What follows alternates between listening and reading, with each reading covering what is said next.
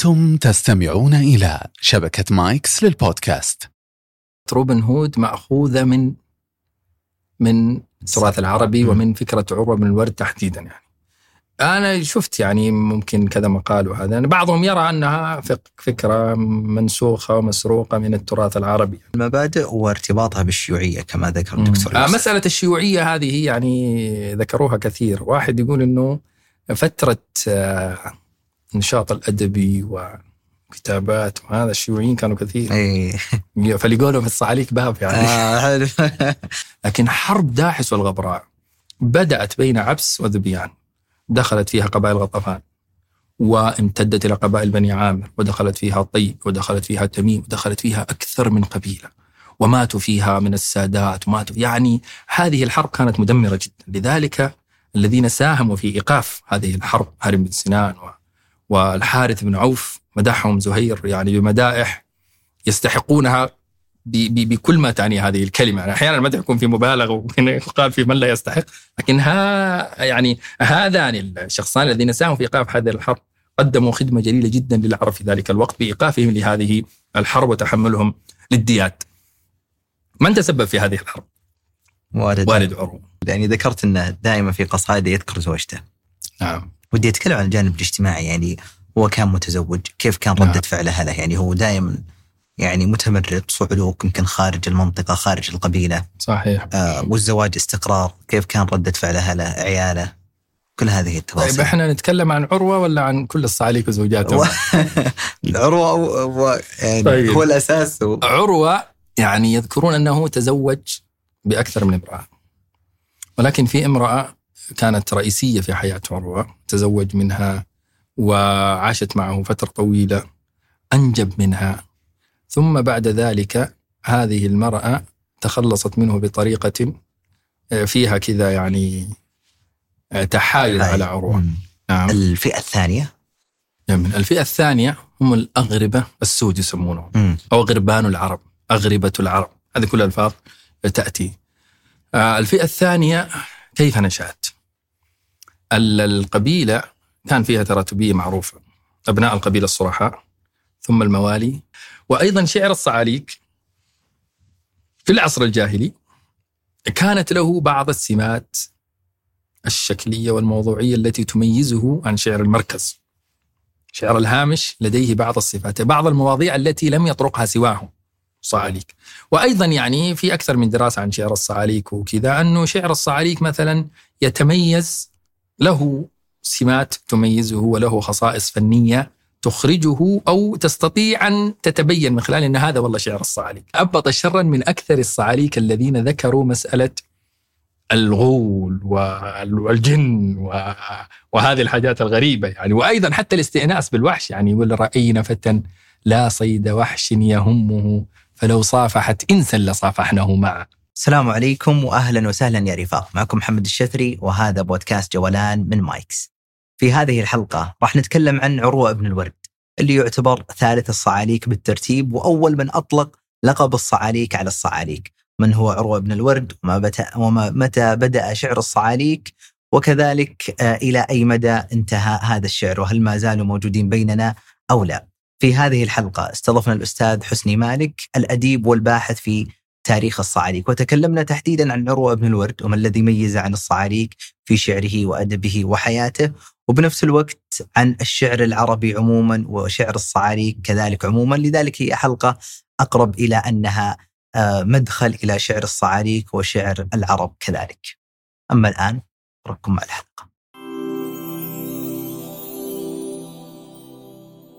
والله إنك آنستنا وشرفتنا أبو مالك. الله يسعدك. والله الله شرف لي يبدو أن الصورة الذهنية حول أمير الصعاليك حسني مالك. يعني ما يأتي الصعاليك إلا حسني مالك. موجود. والله هذه دعايات هذه إيش نسوي؟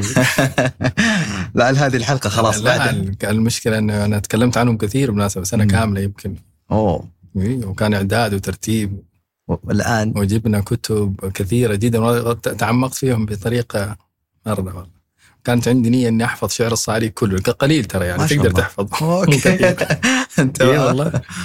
الصعاليك أصلا مقلين شعرا وثانيا شعرهم أصلا ضايع أكثر. إنه كان شعر ال- أنا اقولها شعر الثورة يعني فغير مرغوب فيه أصلا. عشان كذا ما روى منه إلا القليل يعني. لذلك آه، إذا واحد شد حيله يقدر يقدر يحفظ شعر الصعاليك ما كملت آه، حفظ شعر الصعاليك ولا؟ لا لا ما يعني والله القصائد المهمة لابد. شيخات القصيد عند الصعاليك لا بد. نعم. عظيم. والله يحييك أبو مالك. الله يبقيك ويسعدك. وسعيدين والله بتواجدك معنا. أنا اسعد والله. إحنا راح نتكلم عن عرو- عروة بن الورد كما هو واضح. نعم. لكن قبل ذلك كبداية يعني البعض يسمع الصعاليك يمكن بدينا سولفنا عن الصعلكه والصعاليك لكن كتعريف من هم الصعاليك وما هو مصطلح الصعاليك؟ جميل. الكلمة هذه تتردد دائما يعني. لها حضور قوي في التراث والأدب العربي. لا تكاد تقرأ في العصر الجاهلي أو حتى في العصر الأموي في العصر العباسي إلى يومنا هذا. تجد أن الكلمة هذه دائما تتردد. والكلمة هذه أخذت أبعاد كثيرة يعني كان لها معنى ثم اختلف المعنى لهذه الكلمة. لكن في أصل وضعها اللغوي معنى كلمة الصعاليك أو كلمة الصعلكة هو الصعلوك. الصعلكة هي الفقر. جميل. لغة. والصعلوك هو الفقير. والصعلوك يقولون هو الفقير الذي لا مال له ولا اعتماد. رجل فقير لا يملك شيء من آه، الأمور التي تعينه على أن يعني يقوم بأعباء الحياة يعني. فهو فقر يسد الحياة في وجه صاحبه كما يقولون يعني. فهذا أصل وضع الكلمة. آه، لها معنيين ولها دلالتين يعني. الدلالة الأولى هي اللي ذكرناها والدلالة الثانية تدل على مجموعة من الناس خرجوا في العصر الجاهلي آه، كانوا أشداء أقوياء آه، يعني أثاروا نوع من الرعب بقطع الطريق وبالسلب وب يعني كثير من الأمور التي ستأتي معنا. آه، لذلك آه، هؤلاء الناس لا يعني الكلمة الفقر لا تدل دلالة كافية واضحة على هؤلاء الناس. فبالتالي بحثا يعني الذين تكلموا وكتبوا في الصعلكة بحثوا وراء هذه الكلمة الدلالة الاصطلاحية لهذه الكلمة أو المعنى الاجتماعي كما يقول الدكتور يوسف خليف.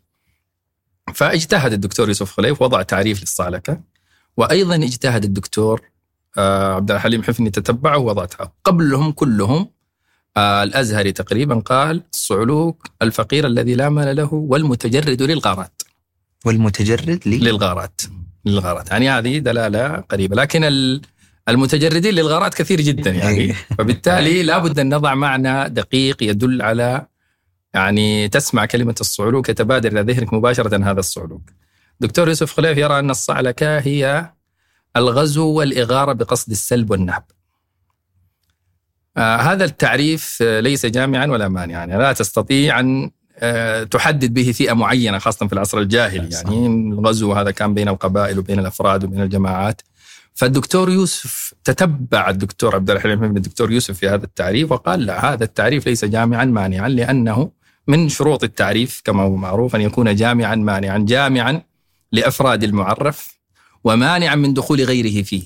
بالتالي هذا لا ينطبق عليه. صح. فوضع تعريف جميل جدا. قال الصعلكة هي احتراف السلوك العدواني بقصد المغنم. عجيب.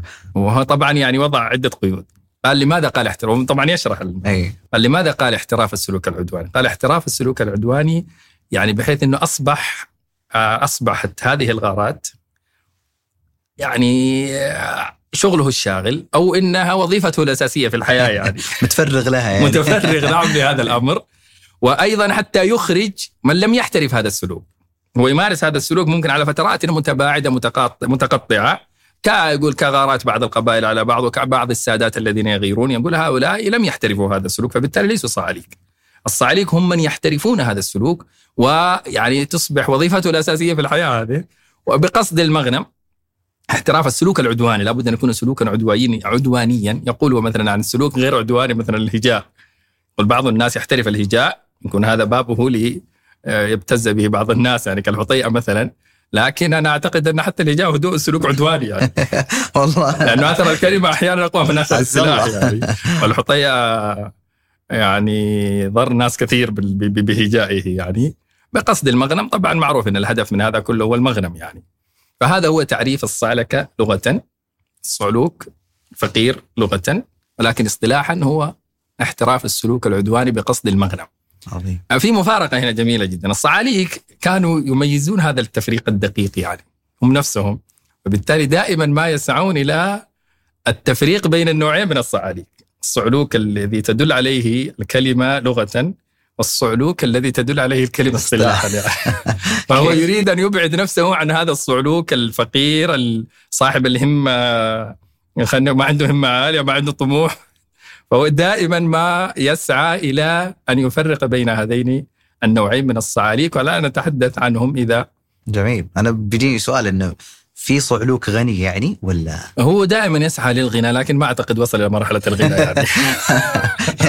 ما ما في صعلوك وصل إلى مرحلة الغنى. ذريني للغنى أسعى فإني رأيت الناس شرهم الفقير. يا سلام. آه، طبعا هذه الأبيات ستتكرر معنا كثيرا يعني. عظيم. طبعا ابيات لعروة بن الورد معروف. لكن الصعاليك دائما لا هم يعني لا يقصد إنه يصل إلى الغنى بقدر ما يقصد انه يريد أن يفرق بين هذا الصعلوك الخامل والصعلوك العامل كما يقولون. إيه ومن فلسفة هذه إذا صحت العبارة يعني آه، الصعلكة وفرق بين هذين النوعين من الصعاليك آه، يعني شخصيات من داخل الصعلكة وشخصيات من الخارج مثلا. عروة بن الورد يعني مثلا يفرق بين هذين النوعين من الصعاليك وأيضا حتى السليك أيضا يفرق يعني يقول فلا تصلي بصعلوك نؤوم إذا أمسى يعد من العيال ولكن كل صعلوك ضروب بنصل السيف هامات الرجال. وأنا أفرق بين الصعلوك النؤوم هذا والصعلوك الذي يضرب بالسيف هامات الرجال. وبالتالي لابد من التفريق بين هذا الصعلوك والصعلوك الآخر الذي هو الصعلوك اللي احترف السلوك العدواني. يعني. هنا يجينا السؤال المعتاد أبو مالك. كيف يعني ذكرت إنك تقريبا أخذت سنة في الإبحار وال تقريبا الغرق مع سنة في الحديث عن الصعاليك في الحديث غير والقراءة إيه. وكله يعني طيب متى بدأ يعني م... لماذا أخذت هذا المجال ومتى بدأ؟ والله هو متى بدأ بالتحديد لا أعلم أمم. صراحة لكن هو بدأ يعني منذ فترة وكيف بدأ؟ كيف بدأ؟ طبعا يعني نحب الأدب والشعر يعني قراءة وحفظا ففي كنا نحفظ عشوائيا يعني ففي واحد من الشباب من المختصين في اللغة والأدب قال أنت إذا أردت أن تستفيد من ال من من هذه المحفوظات الشعرية لابد أن تحفظ الشعر بطريقة مدروسة، توجد سلالم لحفظ الشعر لدى العرب ولدى العلماء يعني حتى تستفيد يعني. هذه السلالم تبدأ مثلا من العصر الجاهلي بالمعلقات. إذا أردت أن تحفظ عندك همة ونشاط يعني آه، احفظ المعلقات أول شيء. طيب بعد كذا بعد المعلقات تحفظ مثلا لامية الشنفرة، لامية العرب. أنا طبعا هذه لامية العرب كانت جديدة علي.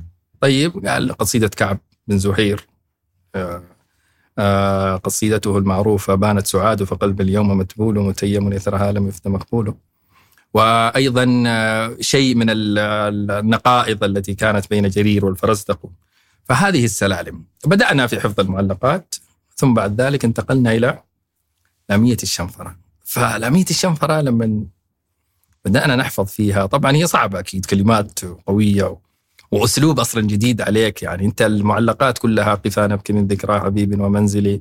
آه لخولة أطلال بورقة تحمدي وبداياتها معروفة وال, يعني عمود الشعر واضح فيها. لكن هنا تيجي تلاقي نوع جديد من الشعر. بداية أقيم بني أمي صدور مطيكم فإني إلى قوم سواكم لأميل فقد حمت الحاجات والليل مقمر وشدت لطيات مطايا وأرحل. وفي الأرض منأ للكريم عن الأذى وفيها لمن خاف القلا متعزل لعمرك ما بالأرض ضيق على امرئ سرى راغبا أو راهبا وهو يعقل. ولي دونكم أهلون سيد عبلس وأرقط زهلول وعرفاء جيأل. أصلا صادق هذه الكلمات الغريبة. ثم تقرأ في الشروحات تجد أن هذه القصيدة مغايرة تماما لما كنت تحفظه يعني. فطيب وش هذه القصيدة؟ وش وراء هذه القصيدة؟ هذه القصيدة للشنفرة. طيب من الشنفرة؟ شنفر الصعلوك طيب وش الصعاليك مجموعة من الناس. فمن هذا الباب دخلنا على على عالم الصعاليك يعني وجدنا عالم جميل. جميل. هذا نعم. العالم آه، أستاذ حسني آه، متى بدأ؟ يعني متى ظهر مفهوم الصعلوك أو من هو أول صعلوك؟ يعني انتهج هذا المنهج. جميل.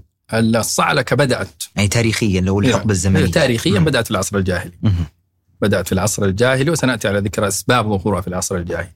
بدأت في العصر الجاهلي ثم امتدت إلى بداية الإسلام. عندما أتى الإسلام الإسلام قضى على كل أسباب ودواعي الصعلك وبالتالي كأنه قضى تماما إلا يعني بعض حالات يسيرة يذكرونها لبعض الصعاليك المخضرمين الذين دخلوا الإسلام ولكن ما زالت الصعلكة تغلي في نفوسهم يعني فلسه روح التمرد عايشة فيهم.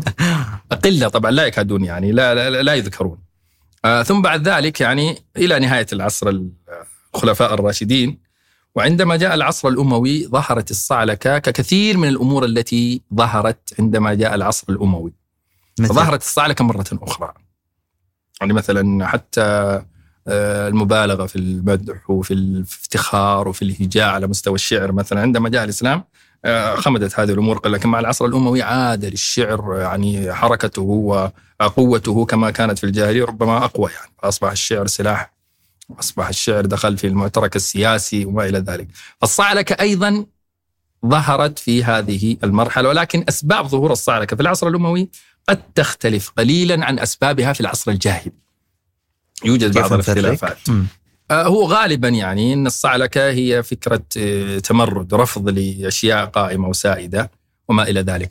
فعندما أتى العصر الأموي تقريبا نفس أسباب العصر الجاهلي ما تكلمنا عن الأسباب سنتكلم عن الأسباب لكن نفس أسباب العصر الجاهلي ولكن زادت إليها بعض الأسباب الأمور السياسية دخلت هنا.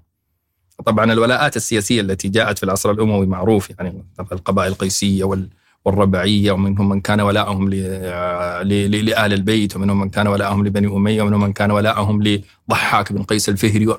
فكل هذه الأمور جعلت آه، مثلا يعني من من من التحليلات أو من القراءات التي ذكرت إنه مثلا بعض القبائل لأن لها موقف مضاد من السلطة أصبح في نوع من الإقصاء لهذه القبائل، فكثير من أفراد هذه القبائل دخلوا فيما يسمى بالصالكه، وأيضا عندما أتى الإسلام آه، أحد الحدود وشرع التشريعات فأصبحت الصعلكة مجرمة يعني وأصبحت في يعني مثلا قطع الطريق هذا يترتب عليه أشياء.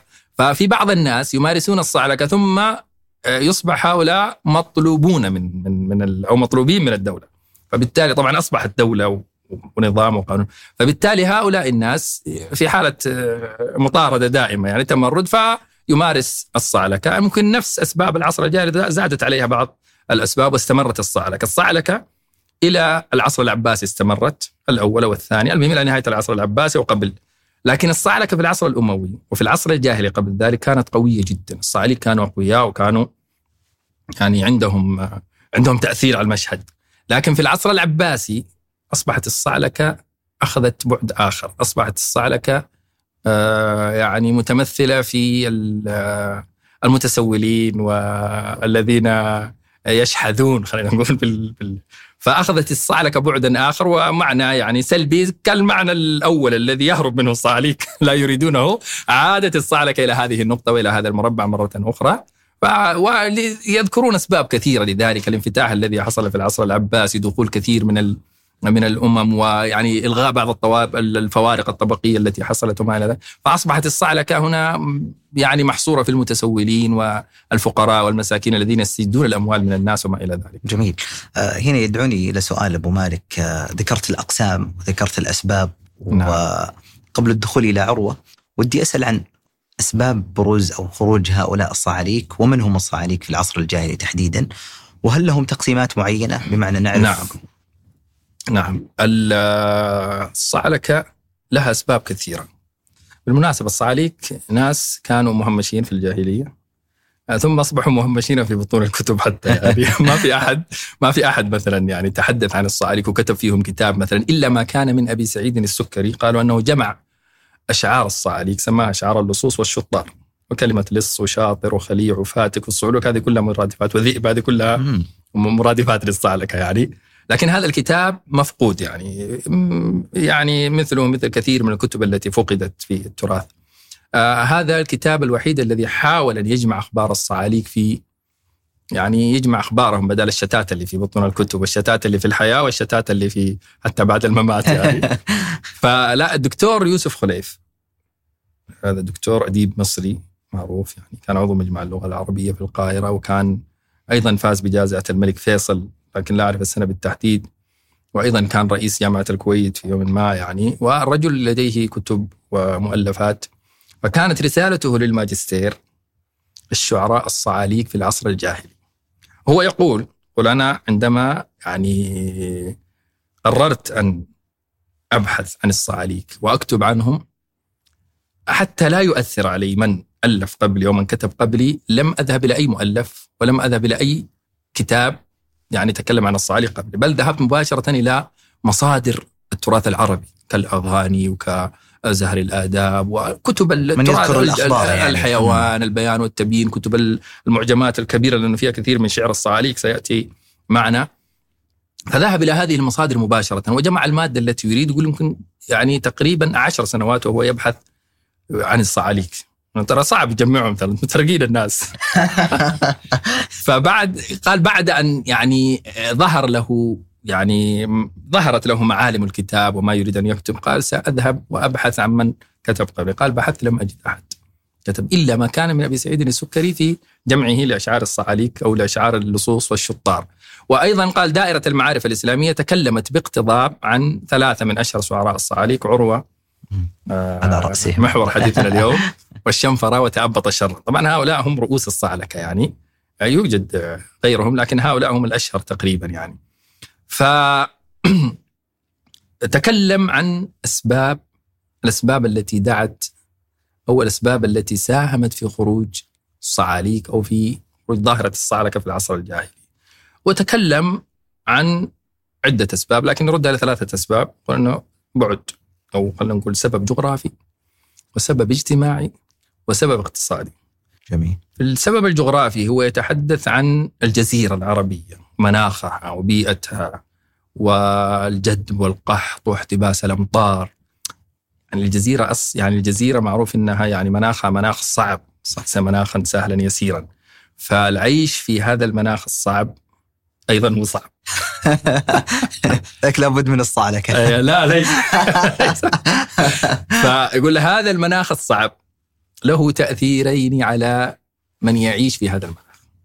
التأثير الأول أن هذه الطبيعة القاسية فرضت على أبناء أو على من يعيش في هذه البيئة أن يعني يتصف بالقوة وبالجلاد وبالصبر وبالعزة وبالأنف وبالكبرياء. وبالتالي آه، وطبعا يعني هو ينقل ينقل حتى عراء عن ابن خلدون أن ابن الذي ينشأ في, في الصحراء يكون فيه من القوة ومن الجلد ومن الصبر ما لا يكون في غيره من الذي ينشأ في, في. في, في المدينة مثلا يعني هذا اللي ينشأ في الصحراء يواجه من المشاق ومن المتاعب في اليوم ما لا يواجهه من المدينة في. سنة يعني. والإنسان ابن عوائده ومألوفه كما يقول فبالتالي هذه الصحراء جعلت من أبنائها أشداء أقوياء عندهم قدرة على التحمل وشجاعة وإقدام وصبر ما ليس لغيرهم هذا أمر الأمر الثاني هو ما يسميه بالتضاد الجغرافي وأيضا هذه الطبيعة جعلت في نفوس هؤلاء الناس أيضا يعني آه، ما في وسط. أي. يعني يا يا. كذا يا كذا يعني. آه، لأن الصدر دون العالمين والقبر يعني ما في. ما في حالة وسط يعني. فهو يقول متطرف في حالي الخير والشر دائما يعني. ممكن يعني في حال الخير في لحظة واحدة يهب كل ما يملك يعني. وفي حال الشر ممكن آه، آه، ربما يقتل على سبب تافه يعني. فبالتالي لا توسط. يعني هذه يقول من طبيعة ال- الأرض وما تتركه في نفوس آه، أبنائها. أيضا السبب الثاني هو طبعا يحلل يقول إنه الجزيرة ليست كلها كانت على هذا الوضع. إنما أجزاء منها فيها هذا ال- القحط والجدب والحرارة العالية وما إلى ذلك. لكن توجد أطراف فيها من الخصب ومن الأنهار ومن الوديان ومن الأشجار والنخيل الشيء الكثير. ولهذا جعل ما يسميه هو بوجود الإحساس بالفقر. ولو أنهم كلهم كانوا على مستوى واحد ربما لم يطمع أحد في في, في الآخر. ولكن عندما تأتي وتنظر أنا الآن في حالة من الجدب والقحط لا أمطار ولا كلى ولا زروع ولا ماء في حين إنه اللي في الأطراف حولي كلهم ما شاء الله عايشين في نعيم وفي خضار. وهو هذا يقول أوجد في نفوس هؤلاء الناس آه، كثير منهم الإحساس بالفقر. فهو كيف يخرج من هذه من حالة الفقر هذه؟ يغزو هؤلاء الناس اللي المرتاحين اللي عندهم أمور طيبة يعني. هذا يقول تفسير جغرافي. وأيضا أن العرب كانت تعتمد أهل البادية خاصة يعتمدون في مثلا مصدر العيش مصدر الرزق ما هو إما تجارة وإما أن يرعى آه، إبله وماشيته وما تحت يده من أنعام وإما أن يصيد وإما أن يغزو. بس. هذه الثلاثة. طب الصعاليك ولا هم تجار.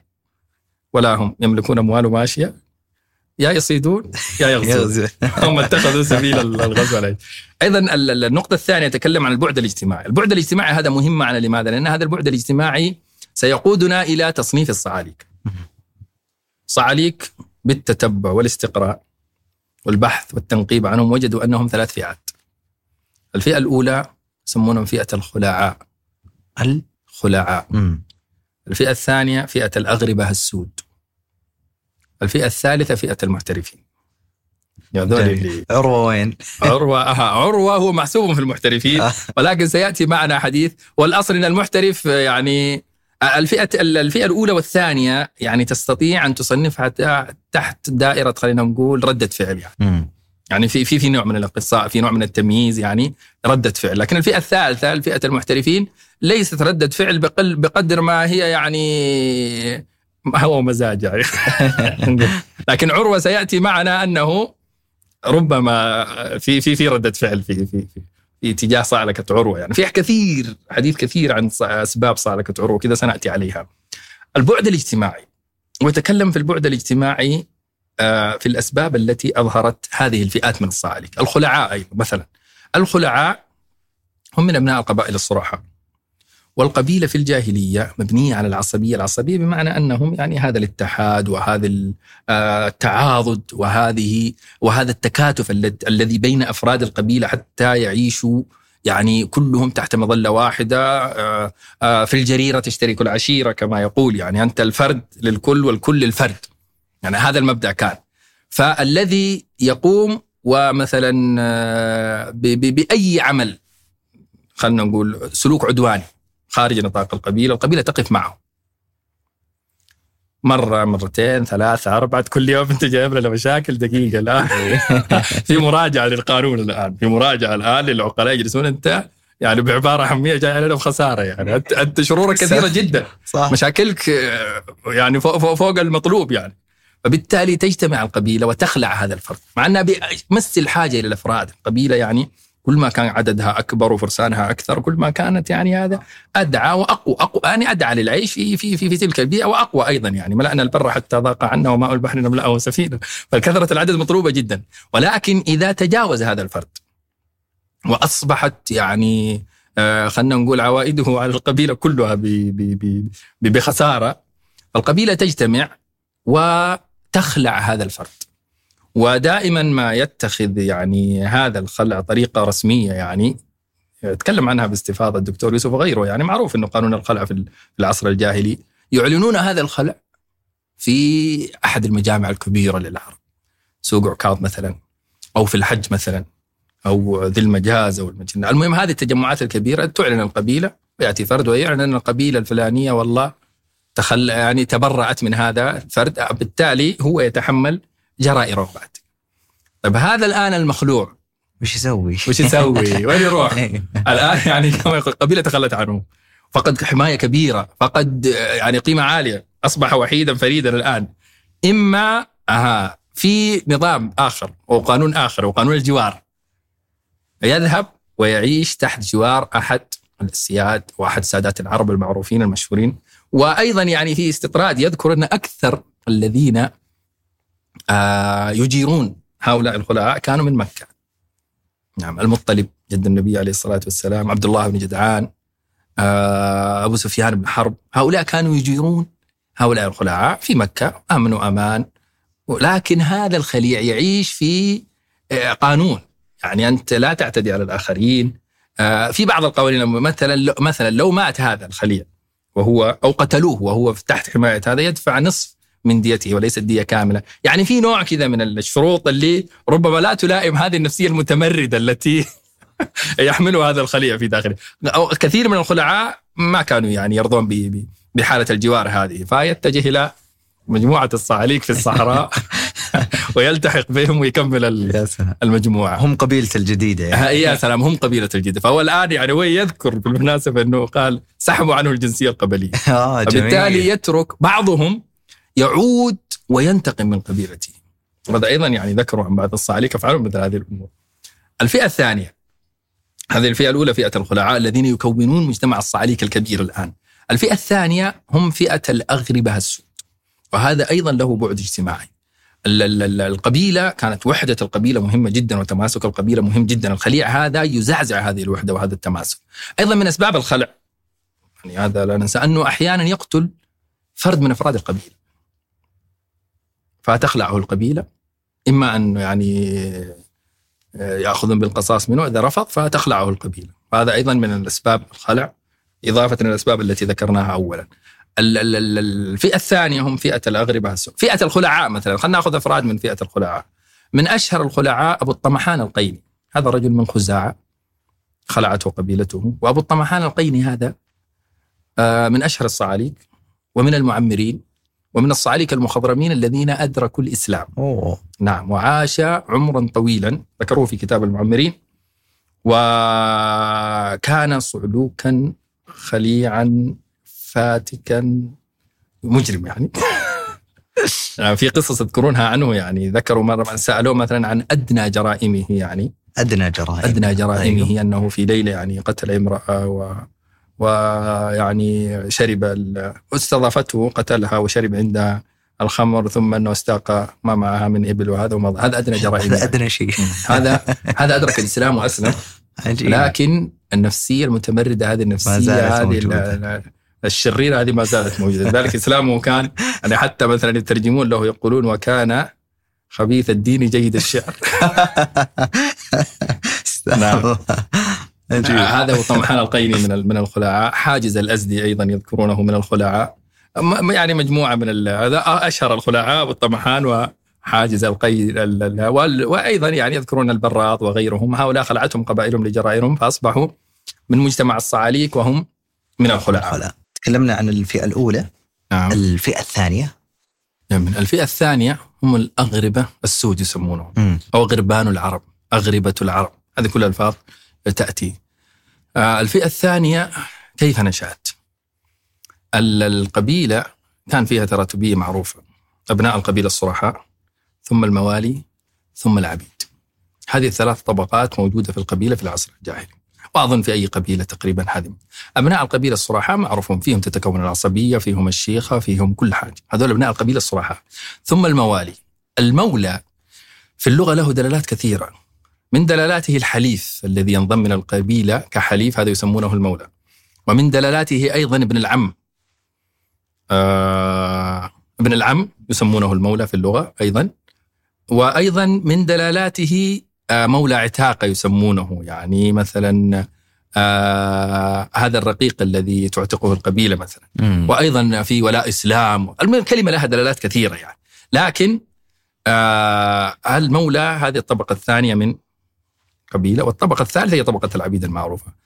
التزاوج في القبيلة يتم بين الطبقات. الطبقة الأولى مع الطبقة الأولى الطبقة الثانية مع الثانية الثالثة مع الثالثة. أحيانا يحصل علاقة سمي أي نوع من أنواع العلاقة ما أدري كيف نسميها ما بين الطبقة الأولى والطبقة الثالثة يعني ياتي رجل و آه، يتزوج من جاريته أو ايا كانت هذه العلاقة، المهم إنه ينشأ عن هذه العلاقة ابن. هذا الابن يأتي وين مكانه بيكون؟ يا سلام وتتنازعه فئتان أي الطبقة الأولى والطبقة الثالثة الأخيرة.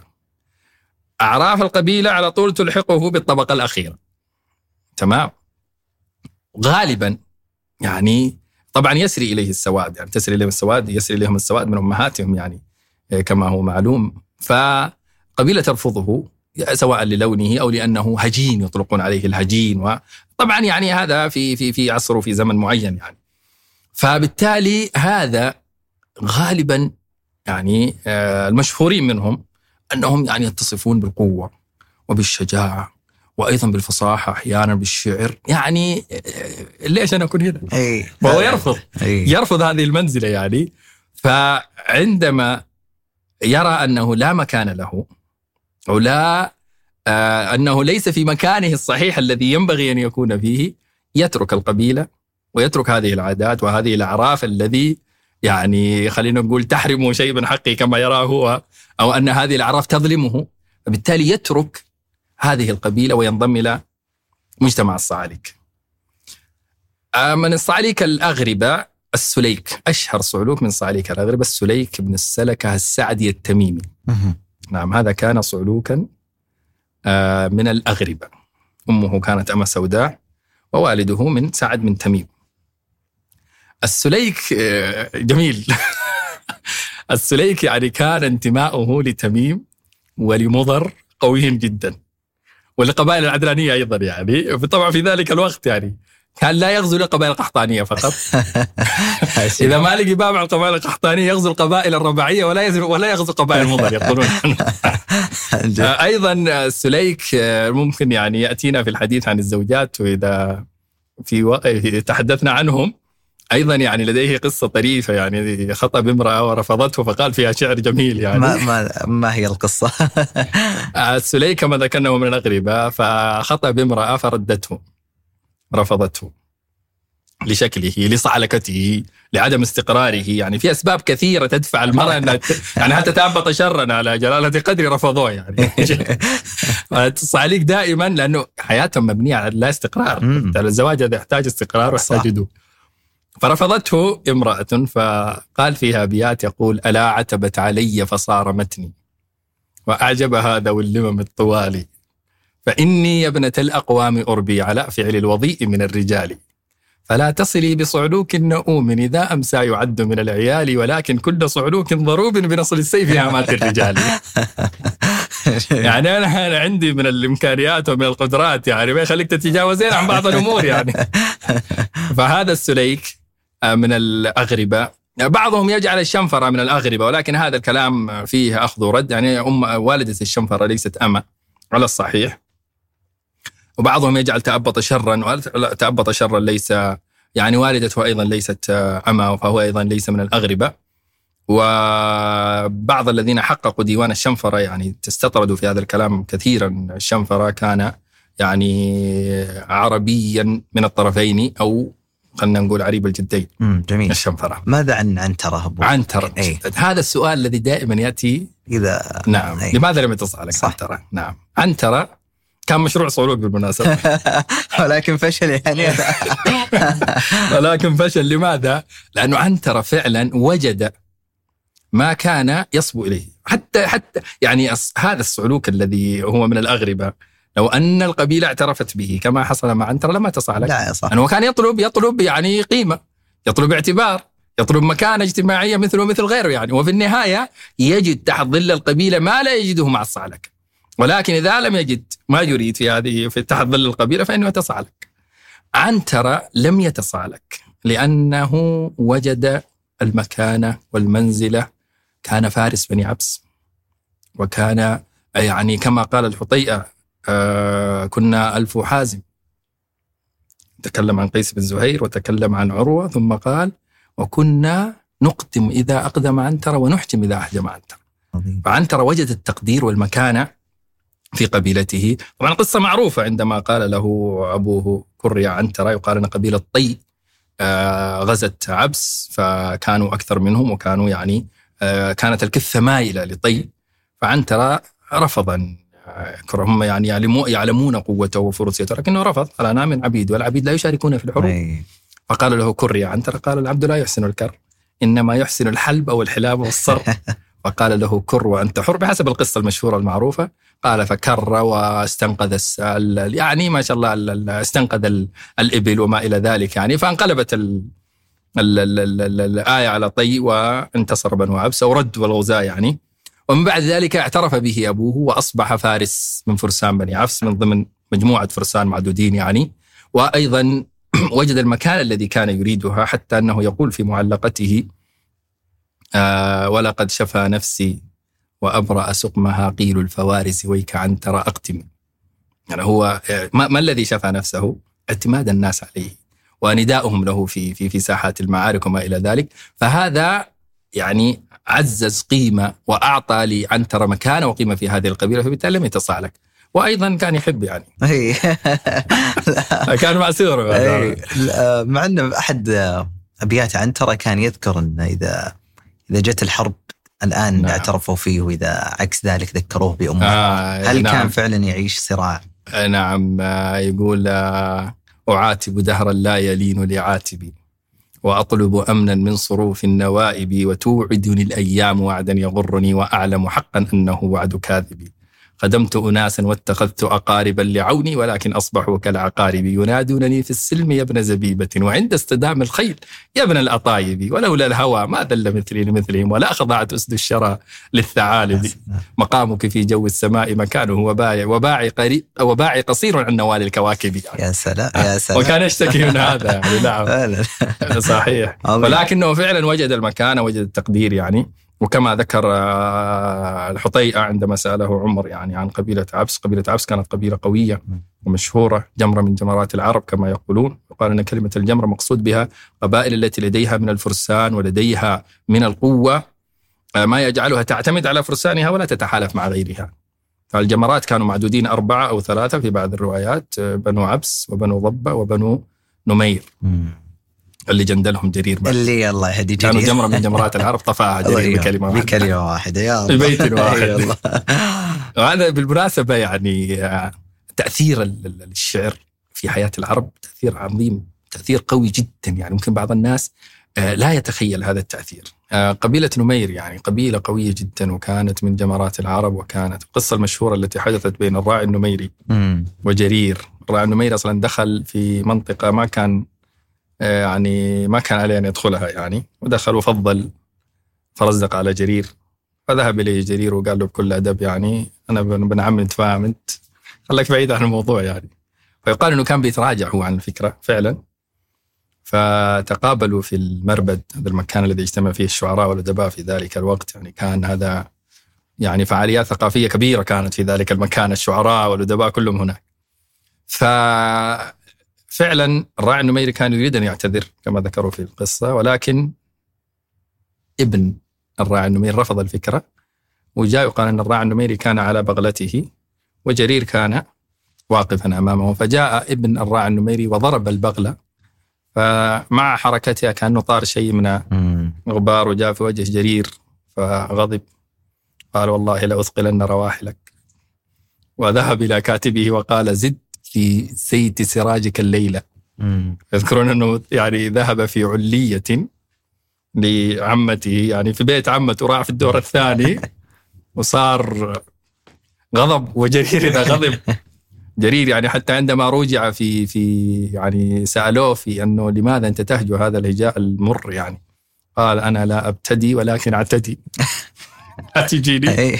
أنا ما أبتدي الشر لكن إذا بدأت تتحمل ما يجيك.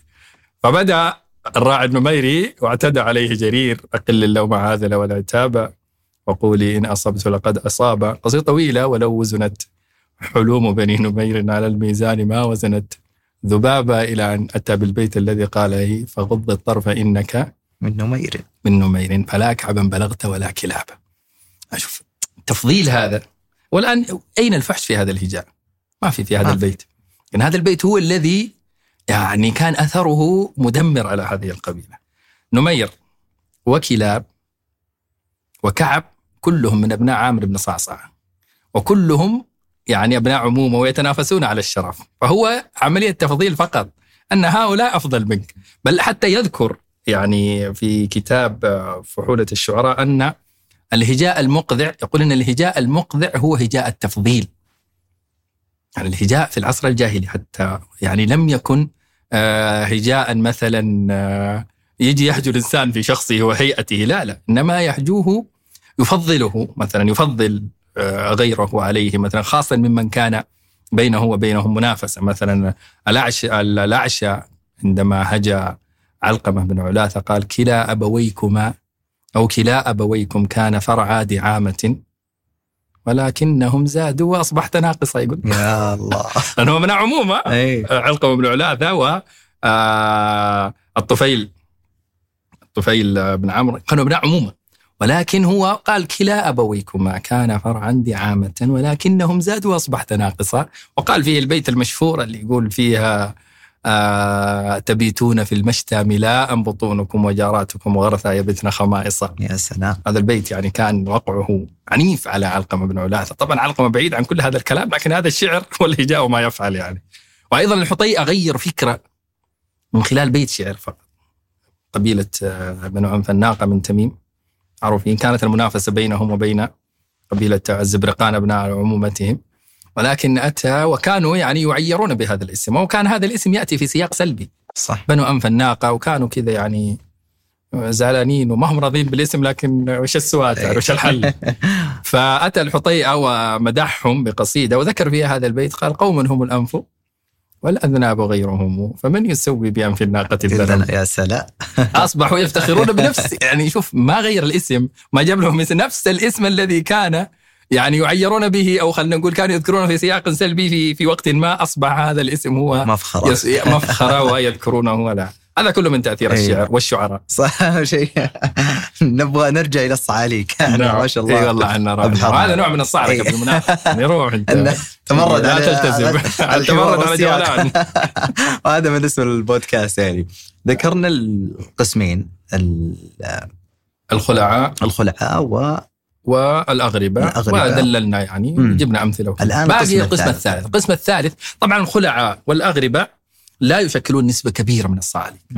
الذي يشكل النسبة الأكبر هم الصعاليك المحترفون هكذا سماهم الدكتور يوسف خليف وحتى آه، شوقي ضيف وغيرهم يعني من الأدباء المعروفين الذين كتبوا في هذه الحالة في حالة الصعلكة سموهم بالمحترفين حتى يعني محترفين باختصار ما مروا بهذه الأحوال التي مر بها الخلعاء والصعاليك ما كانت في خلعاء والأغربة.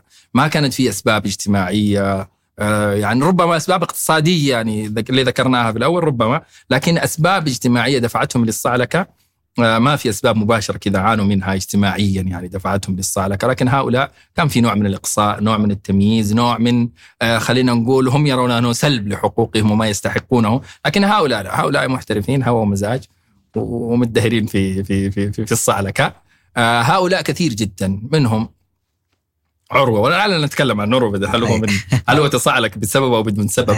آه، أيضا منهم كثير من صعاليك آه، فهم وصعاليك هذيل. أيضا نضم أبو أبو أبو أبو أبو كبير الهذلي أبو خراش الهذلي الأعلم الهذلي ذو الكلب الهذلي كل هؤلاء من الصعاليك من قبيلة هذيل وأيضا قبيلة فهم منهم صعاليك غير تأبط طب- تأبط الشر من قبيلة فهم ثابت بن جابر أيضا وأيضا منهم آه، شنفرة نعده من هؤلاء وإن كان الشنفرة يعني هو آه، صعلكته صعلكه في أسباب قوية دفعته إلى أن يعني يسلك طريق الصعلكه.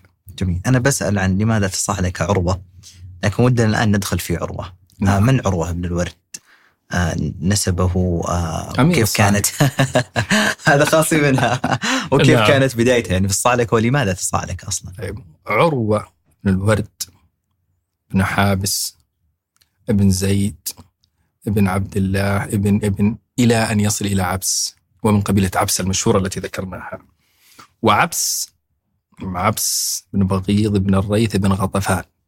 طبعا هذه الأمور القبليه دي مهمة جدا. عشان نعرف بعدين ذكرنا بعد بعض الأمور. وغطفان من قيس. وغطفان يقولون وغطفان بن سعد بن قيس. عيلان بن مضر بن نزار بن معد بن عدنان. عبس قبيلة غطفانية قيسية مضرية عدنانية. ويذكر قد كان في قيس. فيأتي بذكر قيس أحيانا يأتي بذكر غطفان. فبالتالي هذه التقسيمات معروفة. هذه طبعا من من علم الأنساب وعلم الأنساب يدخل تحت مسمى الأدب الواسع يعني كما يقولون من علوم الأدب وعلوم اللغة العربية منها علم الأنساب. فهو من قبيلة عبس من قبيلة عبس معروفة ومشهورة لا شك في ذلك من جمرات العرب كما ذكرنا. ووالده والد عروة ورد بن حابس هذا رجل من سادات بني عبس ومن فرسانها شارك في معركة داحس والغبراء. وأيضا يعني في موقفين له موقف الأول يقولون أنه هو تسبب في هذه الحرب. والده ابو عروة؟ لا والد عروة مم. تسبب في هذه الحرب. وأيضا آه، هو قتل حسين بن ضمضم هذا الرجل. و... فكان له مشاركات وكان له حضور وكان رجل يعني آه، سيد من سادات بني عبس يعني رجل مقدم ورجل معروف. هذا والد.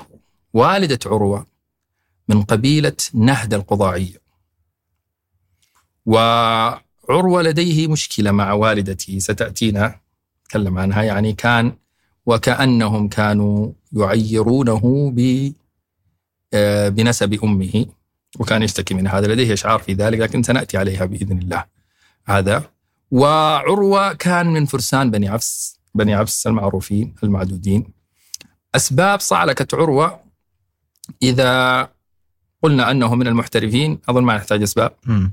ولكن عروة في أسباب لصعلكته من ضمنها أنه عروة كان فقيرا وأحس بالفقر إحساسا كما ذكرنا مسألة الفرق بين الفقر والإحساس بالفقر. والده كان غنيا ولكن كان يفضل كما ذكر ذلك الفرج في كتاب الأغاني وتكلم عنه الدكتور يوسف خليف أيضا. لكن هذا النص موجود أن والد عروة كان يفضل إخوانه الأغنياء إخوان عروة الأغنياء على أو يعطيهم من المال ولم يعطي عروة. شيء عروة كان فقيرا ونشأ فقيرا. بل أنهم ذكروا أن رجال بني عبس راجعوا والده في هذا الأمر. يعني إيش هذا التمييز؟ إيش هذا التفريق بين أبنائك يعني؟ فكان يقول يعني كلاما معناه أن هذا الفقير المعدم الآن إن طالت به الحياة سيصبح هؤلاء الأغنياء عالة عليه. نشكر كان عنده بعد نظر يعني. أيوه. شايف فيه يعني. هذا بيدبر حاله يعني ما يحتاج. خلنا على ذولي اللي ما حد فيهم ما حد يقدر يدبر حاله يعني. فنشأ هذه النشأة كان والده يعني آه يعني يميز بينه وبين إخوانه في التعامل. هذا ثابت عن عن عروة يعني. ولعل هذا يعني بدايات الصعلكه يعني. ممكن الصع... وأيضا هو في خلال هذه النشأة رأى هذا التقدير للأغنياء وهذا الإقصاء للفقراء. لا لشيء إلا لأنه فقير وهذا يقدم لا لشيء إلا لأنه غني. فبالتالي أصبحت من من من من هموم عروة في هذه الحياة أن يخرج من حالة الفقر هذه ويذهب إلى المنطقة التي يعني يقدر فيها أو أنه يعني آه ينتقد هذا التمييز المبني على المال فقط يعني قوامه المال فقط يعني. آه يقول ذريني للغنى أسعى فإني. رأيت الناس شرهم الفقير وأهونهم وأحقرهم عليهم وإن أمسى له حسب وخير. ويقصيه الندي ويقصيه الندي. وتزدريه حليلته وينهره الصغير. ويلفى ذو الغنى وله جلال يكاد فؤاد صاحبه يطير. قليل ذنبه والذنب جم ولكن الغنى رب غفور. ولكن للغنى رب غفور في بعض الروايات. وهو لماذا يقدم هذا؟ لأنه غني فقط؟ ولماذا وقصى أنا؟ لأني فقير فقط؟ مع أنه يعني إذا جينا للحسب ولأشياء كثيرة ربما يكون هذا الغني فيه من الصفات السيئة ولا يتصف بأخلاق العرب من الكرم والجود والشجاعة ولكن لديه المال فبالتالي يقدم في المجالس ويقصيه الندي الندي المجلس. المجلس يبعد هذا ويقدم غيره لأنه لأنه غني يعني. فهذه ربما تكون من الأسباب التي دعت عروة إلى الصعلكة هذا السبب الأول. سبب آخر أيضا آه يعني مسألة أن والد عروة كانت تتشاءم به قبيلة عبس. والده. والد عروة كانت تتشاءم به قبيلة عبس. ليش؟ لأن ذكروا في أسباب الحرب التي قامت بين قبيلتي عبس وفزارة التي هي حرب داحس والغبراء. طبعا أيام العرب في الجاهلية معروفة فيها كتب ومؤلفات كثيرة في حروب امتدت وطالت أخذت مدة طويلة. وليس معنى هذا أنه كل يوم يتقاتلون لا كانت ما في حالة صلح إنما حالة عداء وحرب قائمة بين هاتين القبيلتين إلى أن يصطلحوا. لكن الأيام التي بينهم معدودة ومعروفة ومذكورة في كتب آه، أيام العرب وكتب المواجهات التي كانت بين القبائل في ذلك الوقت. حرب داحس والغبراء هي من أكثر الحروب دموية وهي من أكثر الحروب تأثيرا سلبيا على البيئة العربية وعلى القبائل العربية في ذلك الوقت بشكل كبير جدا.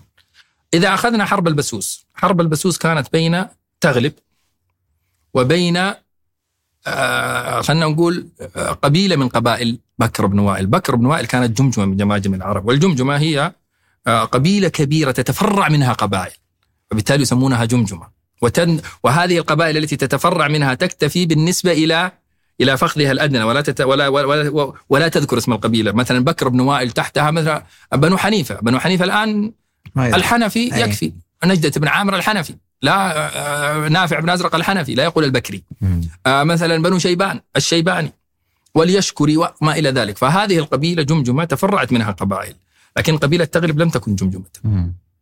يعني آه، من عدد العدد. والعدة بكر أكبر من تغلب الذي شارك في هذه الحرب كانت قبيلة من قبائل بكر بن تغلب بكر بن وائل مقابل قبيلة من قبائل أو مقابل تغلب تغلب. بن وائل عن بكر وتغلب. اخوان بكر بن وائل بن قاسط بن هند بن أفصى بن دعميه بن جديله بن أسد بن ربيع بن نزار بن معد بن عدنان. ووائل أخ آه، تغلب وبكرهم أخوان كما وتفرعت منهم هذه القبائل. هذه الحرب كانت داخل حدود خلينا نقول قبائل الرباعية وقبيلتين فقط. لم تمتد يعني إلى أن انتهت. لكن حرب داحس والغبراء بدأت بين عبس وذبيان. دخلت فيها قبائل غطفان. وامتدت إلى قبائل بني عامر ودخلت فيها طي ودخلت فيها تميم ودخلت فيها أكثر من قبيلة وماتوا فيها من السادات وماتوا يعني هذه الحرب كانت مدمرة جدا. لذلك الذين ساهموا في إيقاف هذه الحرب هارم بن سنان والحارث بن عوف مدحهم زهير يعني بمدائح يستحقونها بكل ما تعني هذه الكلمة يعني أحيانا المدح يكون في مبالغة ويقال في من لا يستحق لكن ها يعني هذان الشخصان الذين ساهموا في إيقاف هذه الحرب قدموا خدمة جليلة جدا للعرب في ذلك الوقت بإيقافهم لهذه الحرب وتحملهم للديات. من تسبب في هذه الحرب؟ والد والد عروة. طبعا آه، في كتاب يتكلم عن الشعر في حرب داعش والغبراء يعني تتبع الأسباب التي أدت إلى ظهور أو أدت إلى قيام هذه الحرب أن أسباب كثيرة منها يعني آه، التنافس على السيادة في داخل غطفان فزارة وعبس كلهم من غطفان. والد قيس بن زهير اللي هو زهير بن جذيمة العبسي كان سيدا على غطفان كلها. فعندما مات آه، أتى ابنه وحذيفة بن بدر هذا سيد من سادات فزارة. فكان في تنافس بينه وبين قيس بن زهير على على على سيادة القبيلة ككل اللي هي غطفان التي تحتها كل هذه القبائل. وأعتقد أيضا غطفان من جماجم العرب. لأنها تفرعت منها قبائل كثيرة عبس وغيرهم يعني وفزارة وذبيان وما إلى ذلك وبنو عبد الله وغيرهم. فالذي حصل أن والد عروة يقولون هو الذي يعني أتى بفكرة الرهان والسباق بين قيس بن زهير وبين حذيفة بن بدر. يعني في عدة روايات منها أنه كان عند حذيفة بن بدر وفي رواية أن داحس والغبراء كلها لقيس بن زهير والخطار والحنفاء لحذيفة بن بدر. فأتى وشاف يعني هذين الفرسين عند حذيفة بن بدر وكأنه استقلها وقال إن والله ترى الفرسان عند قيس ما هي اللي عندك يعني. ف وأتى بفكرة الرهان وأخذ كلمة من حذيفة بن بدر وذهب إلى قيس بن زهير. قيس بن زهير رجل حازم ورجل حكيم جدا. رفض فكرة الرهان هذه في البداية رفضا تاما. لا إن هذا الرهان يعني ما حيكون وراء خير. وحيسبب مشكلة. المهم راحت قصة الرهان معروفة والسباق الذي تم وفي نهاية المطاف سبقت آه، أفراس قيس بن زهير واتفقوا على مئة ناقة. طبعا كانت في يعني حركة من حذيفة بن بدر أنه يعني يقول أوقف رجال في الطريق أنه إذا جاءت فرسان قيس آه، هي المنتصرة وهي السابقة ف آه، يعني يصرفونها. وكانوا مسوين بركة معبينها بالموية الفرس التي يعني الخيول اللي توصل أول وتشرب هي الفائزة. وكان في يعني حتى طريقة السباق جميلة جدا بالمناسبة يعني وكانوا يحسبونها 100 غلوة. والغلوة هذه يعني يقول لك مقدار رمية السهم يعني. خلاص يعني 100 غلوة يعني آه، المهم إنه كان شيء جميل ورائع صراحة تفاصيل جميلة جدا. إلى أن انتصر قيس بن زهير وفاز يعني. المفروض كان حذيفة بن يدفع 100 من الإبل. رفض ابى أن يدفع. فقيس من حكمته يقول نزل معه إلى ناقة واحدة.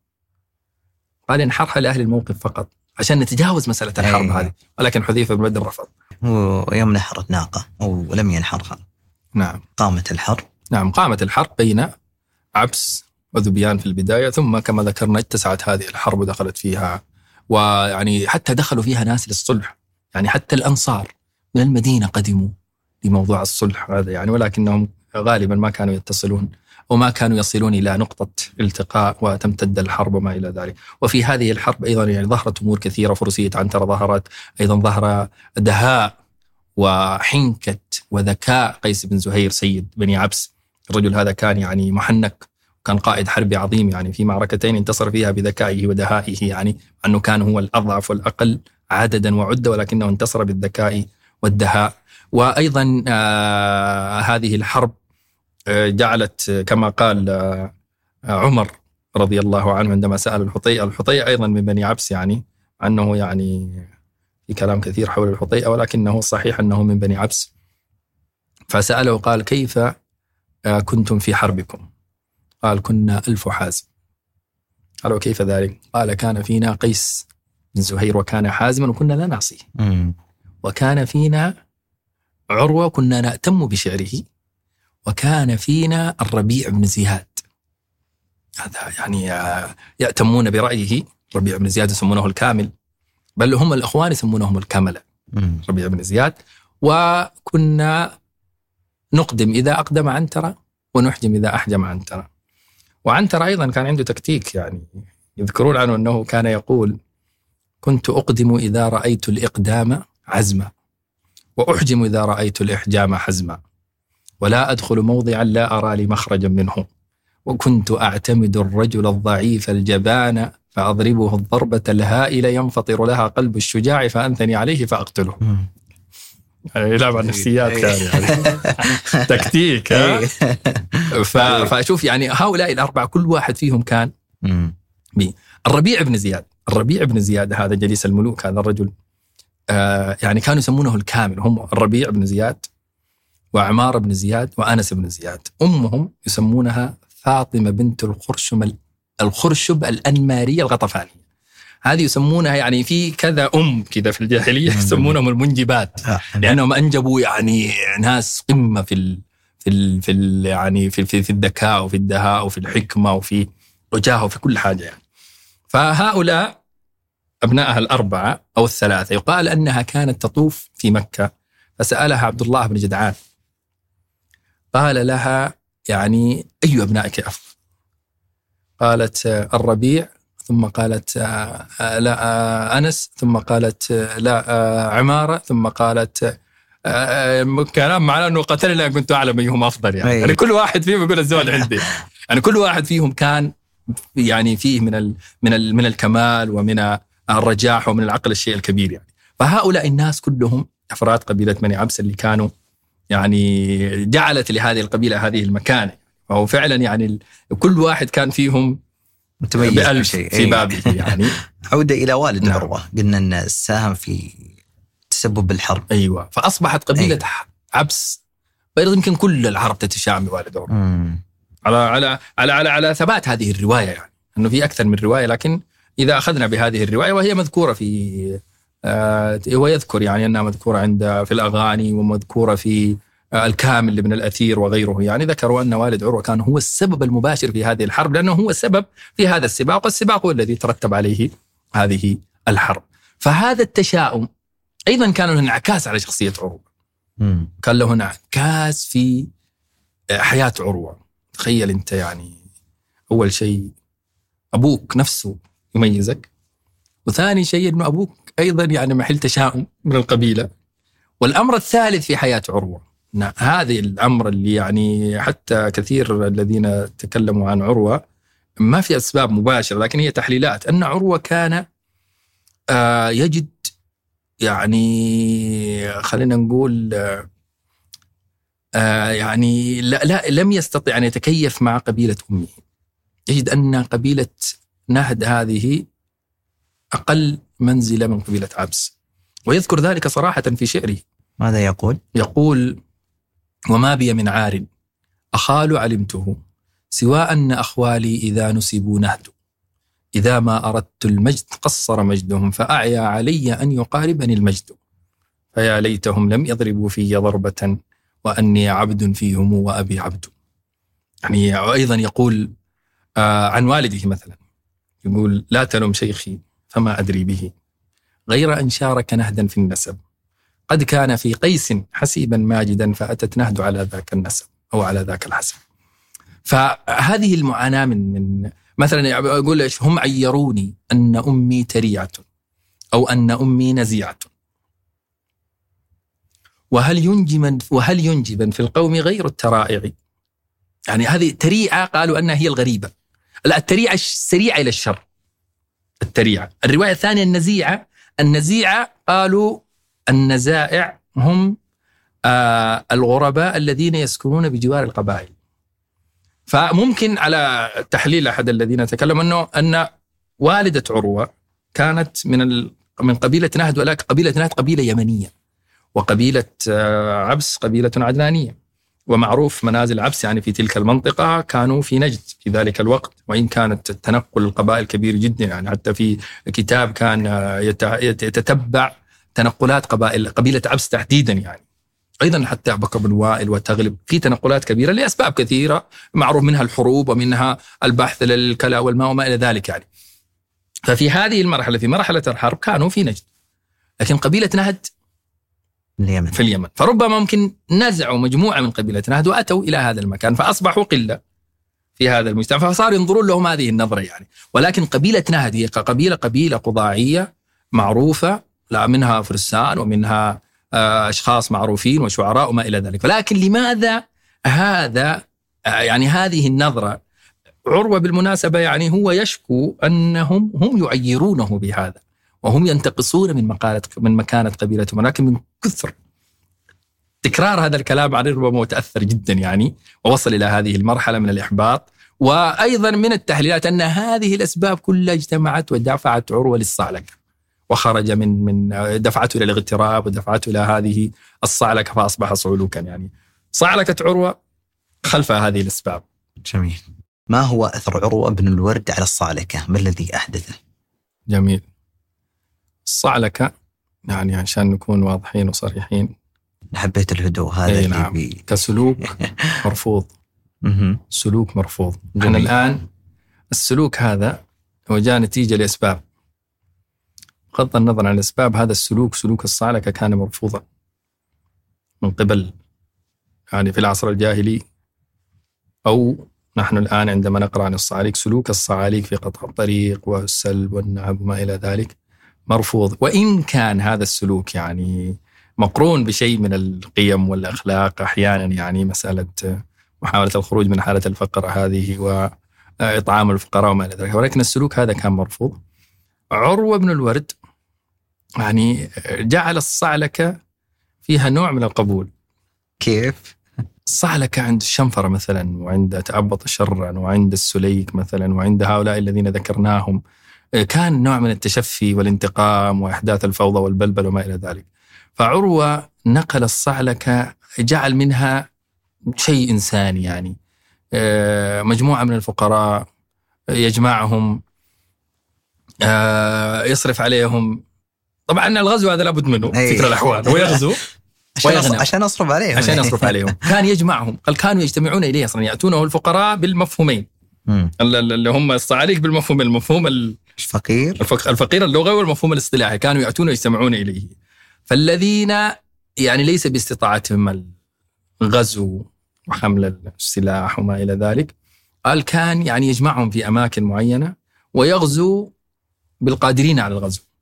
ثم يعود ويقسم هذه الغنائم عليهم بالتساوي. حتى الذين لم يغزوا يكون لهم نصيب من من هذه الغنائم التي يغنمونها.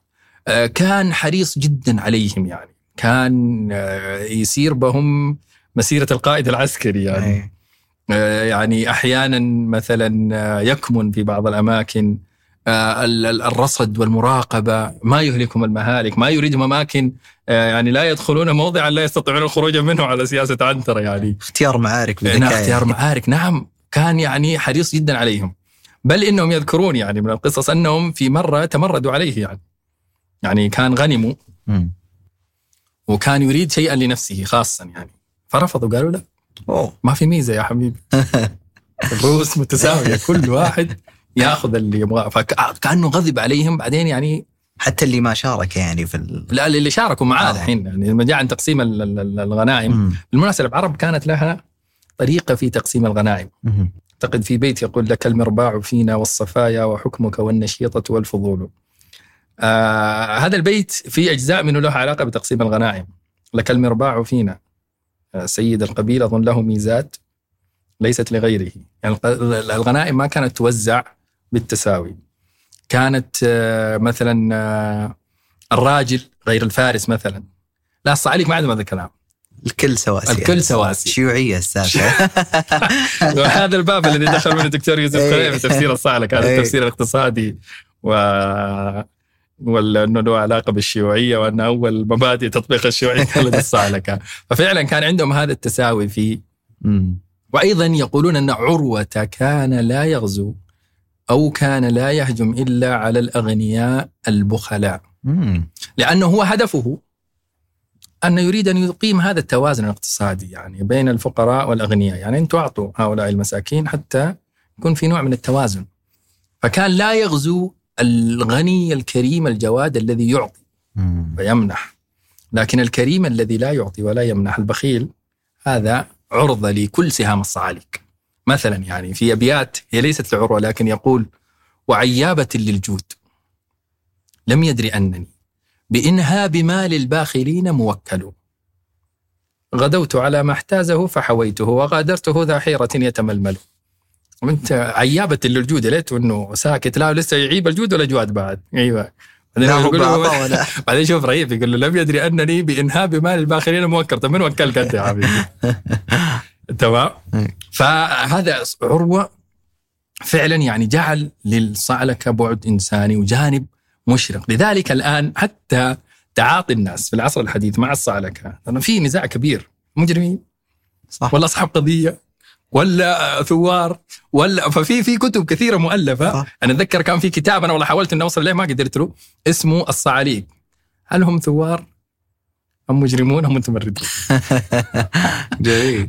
يعالج هذه المنط... يعني النقطة طبعا في كثير من الكتب يعني مثلا آه المواضيع الكتب المؤلفة عن الصعاليك سواء كرسائل ماجستير ورسائل دكتوراه كثيرة جدا يعني. آه كل من يؤلف كتاب يتناول جانب مثلا النزعة الإنسانية عند الصعاليك، القيم الاجتماعية في شعر الصعاليك، الأسلوبية في شعر الصعاليك، القصصية في شعر الصعاليك، السرد القصصي في شعر الصعاليك، بل في كتاب يتكلم عن حركة الجسد في شعر الصعاليك. الخوف لدى الصعاليك. كل هذه رسائل ماجستير أثناء بحثي عن الصعاليك لقيتها يعني. تمام؟ هؤلاء الناس يعني يأتون أول شيء يتكلم عن مفهوم الصعلكه لابد معروف يعني لغويا وكذا بعدين يضع وجهة نظر يعني آه يعني يعني يعني يعني نظرته الخاصة للصعلكه يعني. فتجد الناس أيضا فيهم فيهم هذا التناقض اللي حول الصعلكه يعني اللي يقول مجرم يطلع لك عروة. أي هذه. اللي يقول مثلا والله الصعاليك كويسين يطلع لك الشنفر يطلع لك أي. تهبط شرا فأنت وين. تحطهم بالتحديد؟ عشان كذا ما تقدر تدي حكم عام على كل الصعاليك أنهم مثلا يعني آه، ترفضهم كذا بالكامل. لا وتقبلهم بالكامل. لا لكن تعال تنقى يعني جميل. تلاقي شيء كذا وشيء كذا. وإحنا أطفال أبو مالك عرفنا روبن هود. يعني نعم. روبن هود نفس فكرة الصعاليك نعم. تقريبا أو إنه للأسف إنه ما طلعنا عروة كروبن هود يعني. ترى في مسلسل عن عروة. أوه. لكن ما تفرجته والله. شفت ظهر لي كذا مرة ودلني عليه واحد من الشباب. في مسلسل عن الصعاليك بعد في شنفرى وفي عروة وفي تأبط شرا يبغى هذا مشروع إن شاء الله بتفرج عليه إحنا اشوفه نشاهد بالقراءة الحين اي مشاهدة. يعني شاهد لكن هذا يدعوني إلى سؤال هل هل الصعاليك عموما ينطلقون من مبادئ معينة وتحديدا عروة مثلا وخاصة نعم. إحنا يمكن ذكرنا في السياق الشيوعية هل يعني وش ارتباط يعني الصعاليك بالمبدأ هل هم فعلا منطلقين من مبادئ أو لا؟ والله شوف صعاليك أول شيء خلينا نتكلم عن قصة روبن هود هذه أي. لأن هذه دائما الأمور التي تأتي يعني أي. إنه قصة روبن هود مأخوذة من من التراث العربي مم. ومن فكرة عروة بن الورد تحديدا يعني أنا شفت يعني ممكن كذا مقال وهذا يعني بعضهم يرى أنها فك- فكرة منسوخة ومسروقة من التراث العربي. وبعضهم يرى يقول لا يقول هذا إنه مما تشترك فيه الثقافات والشعوب. أنه فعلا تتبعت أنت تجد يعني أحيانا هي الف... الصعلكه الصعلكه فكرة. أسباب معينة وجدت في مكان ما في بيئة ما نتيجتها هذا الصعلكه وهذا التمرد وهذا الخروج يعني فهذا من الأمور التي يعني تتشارك فيها الشعوب ربما وبعضهم يرى أن الفكرة مأخوذة من من كما اعتمد البعض على رسالة الغفران يقولون. أتى ب ب إيش الكتاب هذا؟ دافنشي؟ ممكن هو أو دانتي ولا يقولون يعني. ما- فطبعا لا تستطيع أن تجزم بهذه الأمور جزما قاطعا ولكن مسألة إنه هي مما تشترك فيه الشعوب أقرب يعني. وفعلا البيئات يعني أنت الصعلكه الآن آه، ممكن تجدها في بيئات أخرى إذا توفرت هذه الأسباب تجدها يعني وإن لم تكن يعني صعلكه بالتحديد ولكن تجد أنها في في تقارب بين هذه الثقافات. ماذا عن المبادئ وارتباطها بالشيوعية كما ذكر الدكتور آه يوسف؟ مسألة الشيوعية هذه يعني ذكروها كثير واحد يقول أنه فترة آه النشاط الأدبي وكتابات وهذا الشيوعيين كانوا كثير اي فلقوا لهم في الصعاليك باب يعني آه، حلو. إحنا موجودين من زمان يعني بالمناسبة يعني شعر الصعاليك يحتمل دراسات كثيرة جدا ويحتمل تأويلات ويحتمل عشان كذا تجد فيه كثير من المؤلفات الآن كرسائل دكتوراه وماجستير تتكلم يعني تأخذ م- شعر الصعاليك مادة وتنطلق منها لتأليف وللحديث عن عن هذه المواضيع. الدكتور يوسف خليف عندما ألف كتابه الذي تك- تكلمنا عنه في الطبعة الثانية أنا عندي كتاب الطبعة الثانية هو في الطبعة الثانية يرد على الذين انتقدوه أنه حمل حالة الصعاليك ما لا تحتمل وفسرت هذا التفسير الاقتصادي وربطتها بالشيوعية هذا الربط فقال أنا لا أقصد أن أنا أتذكر يعني كلامه إن شاء الله أنه استحضروا أنه لا يقصد أن الصعلكة هي الشيوعية بمفهومها وبمبادئها اللي موجودة عندنا الآن. ولكن فكرة الصعلكة كانت فكرة قائمة على إحداث حالة من التوازن بين الفقر والغنى بين الفقراء والأغنياء. وهذه من مبادئ الشيوعية كما يقول ويقول أن في عروة بن الورد تحديدا نزعة إنسانية أصيلة وفي شيء من مبادئ الاشتراكية. مم. منها توزيع هذا الذي ذكرناه و... التساوي. أيوه أنواع التساوي والأشياء هذه كلها. يقول أن فيها شيء من مبادئ الاشتراكية. ويعني يمديك تقولها آه، تمشي لكن تحديدا كذا يعني إسقاط حالة الصعلك على الاشتراكية بهذه الطريقة لا آه، لا يصح. هذا يخليني أتساءل حول كرم عروة. نعم. يعني في مقولة لعبد الملك بن مروان في مقولة لمعاوية رضي الله عنه أحد نعم. دهاة- العرب يعني. معاوية يقول لو كان لعروة آه، ابن لاحببت أن أتزوج منهم. نعم.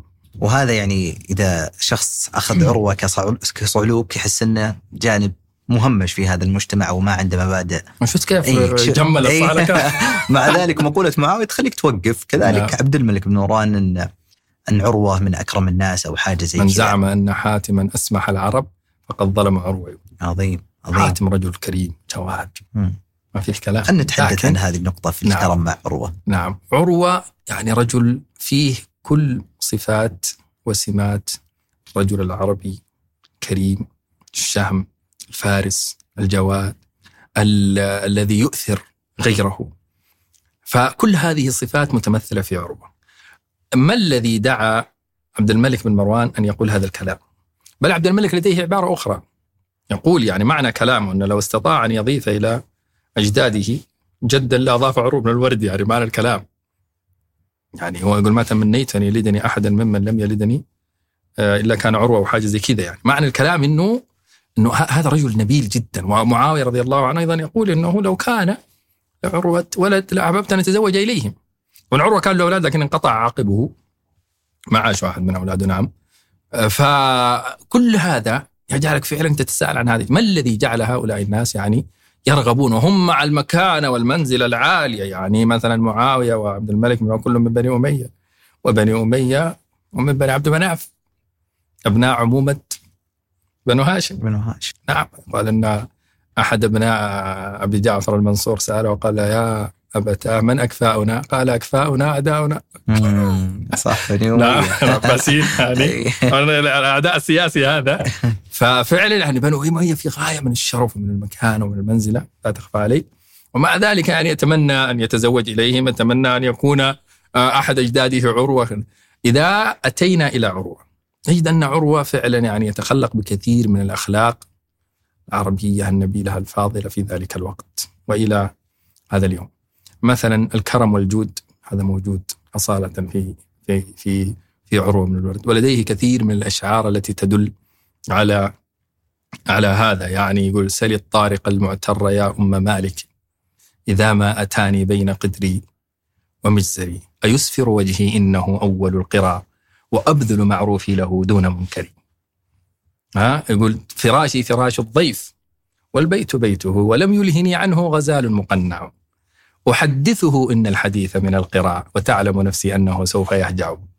ها وقد علمت سليمة أن رأيي ورأي البخل مختلف شتيت وأني لا يريني البخل رأي. سواء إن عطشت وإن رويت. يعني كل هذه يعني القيم والأخلاق النبيلة التي يحملها عروة بن الورد من خلال شعره وأيضا البيت الذي أو الأبيات التي جعلت مروان بن أبي حفصة يقول أو مروان عفوا مروان بن عبد الملك مروان بن أبي حفصة هذا الشاعر إيه. تكلمت عنه كثير عشان كذا دائما على يجي لي طول. كذا داخل اسم مروان يدخل على طول تكلمنا عنه في في شارك ولا نعم فمروان بن عبد الملك في أبيات لعروه جميلة جدا قمة في الكرم وفي الجود ويا كثرة أبيات عروه التي تدل على كرمه وجوده وأخلاقه يعني. آه الأبيات التي جعلت عبد الملك بن مروان يقول أن من زعم أن حاتما أسمح العرب فقد ظلم عروة. يقول فيها والبيت هذا أبيات يقول لها قصة يعني. آه طبعا إحنا ذكرنا انه والد عروة يفضل إخوانه على عروة. على عروة. كانوا أغنياء وعروة كان فقيرا. فأخوانه ما شاء الله الظاهر مع الغنى وهذا كانوا يعني حتى في الصحة. حتى في الصحة كانوا باين عليهم الغير باين عليهم. وكأنه واحد منهم كان يلوم عروة على حالة الفقر اللي هو وحالة الهزال الجسدي. طبعا الصعاليك بالناس كلهم. إيه. لابد هذا حد سمعت يعني. سمعت نعم سنأتي كيف صعدوك؟ هي كيف صعلوك أنت يا سلام والصعلوك صح. يعني مثلا من من يقول إن الدكتور عبد الحليم حفني يقول إن كل مفردات الصعلكه تدل على الضمور والانجراد. فالفقير هو ال- ال- الصعلوك هو الفقير الهزيل الضامر بين الأغنياء. وأيضا يعني يقولون إن الإبل تصعلكت إذا طرحت اوبارها مم. فتصبح يعني قالوا ومصعلك الرأس صغيره. فكلمة لابد عشان تكون صعلوك لابد تكون. فهذا أخ عروة كأنه لامه يعني كأنه يستهزئ به يعني.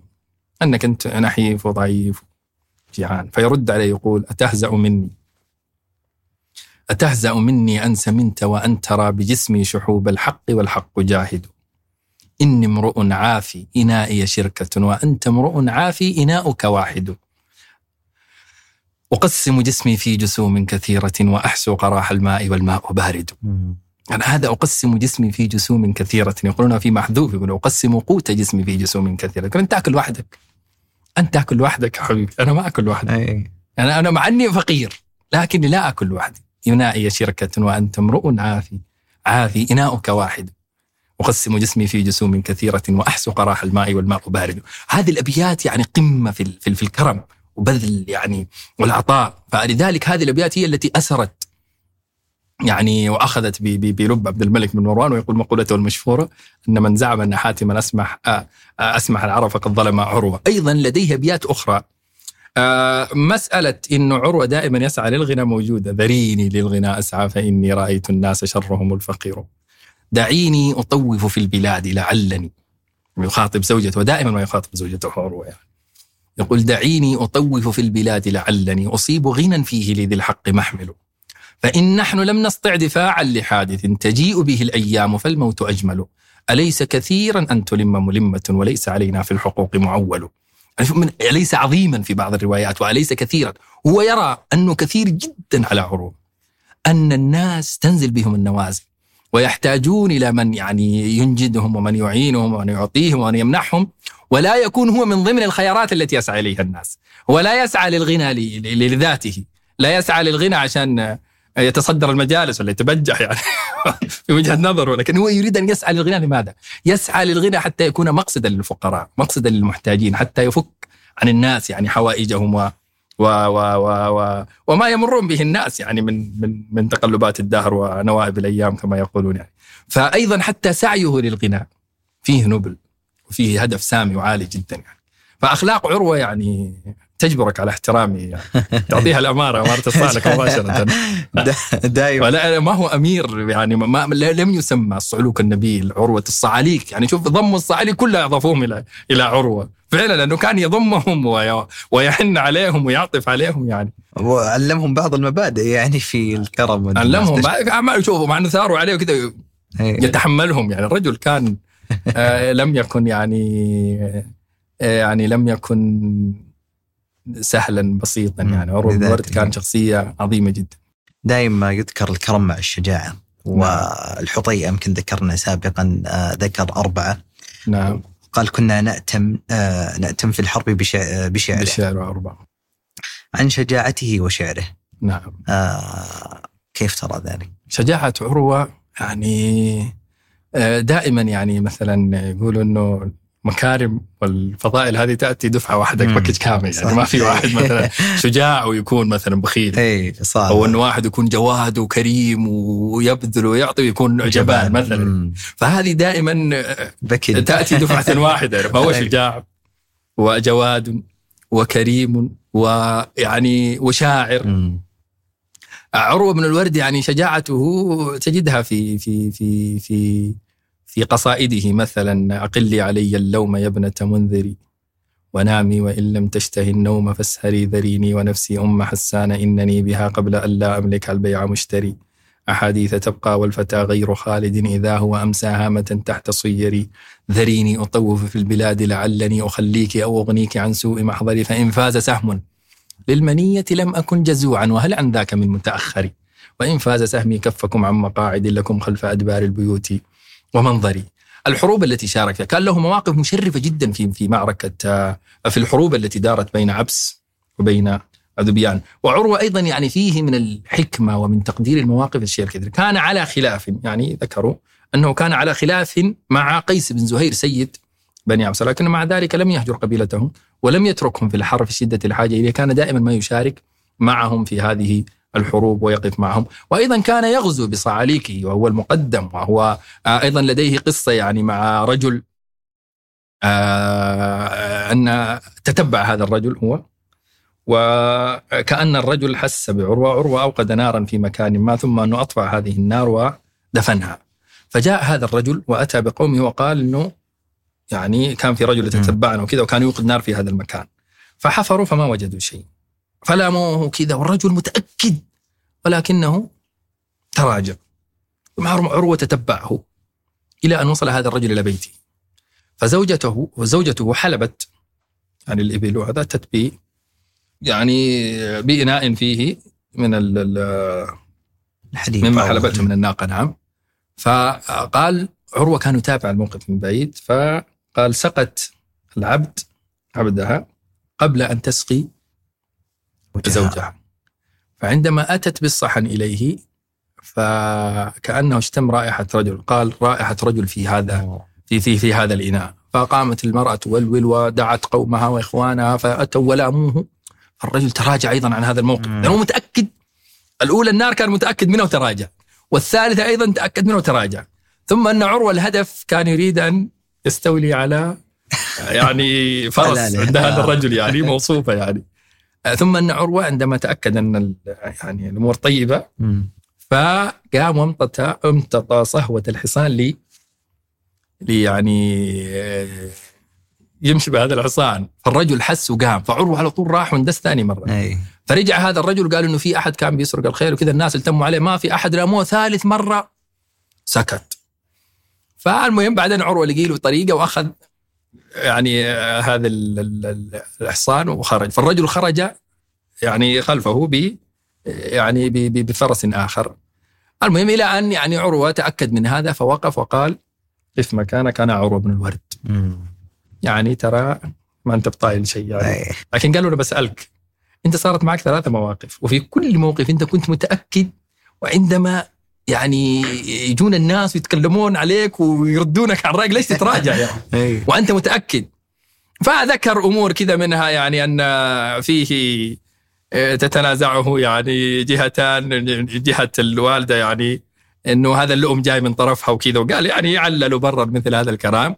كلام فخلاص فقال له عروة يعني خلاص اتصافوا عروه أخذ اللي يبغاه. وهذا ورجع يعني فلما قال له أنا عروة من الورد الرجل وقف. إيه. عنده ليعرف يعني قوة عروة وشجاعة عروة يعني. عجيب عجيب. هذا يدعوني فيه على المستوى النفسي أبو مالك.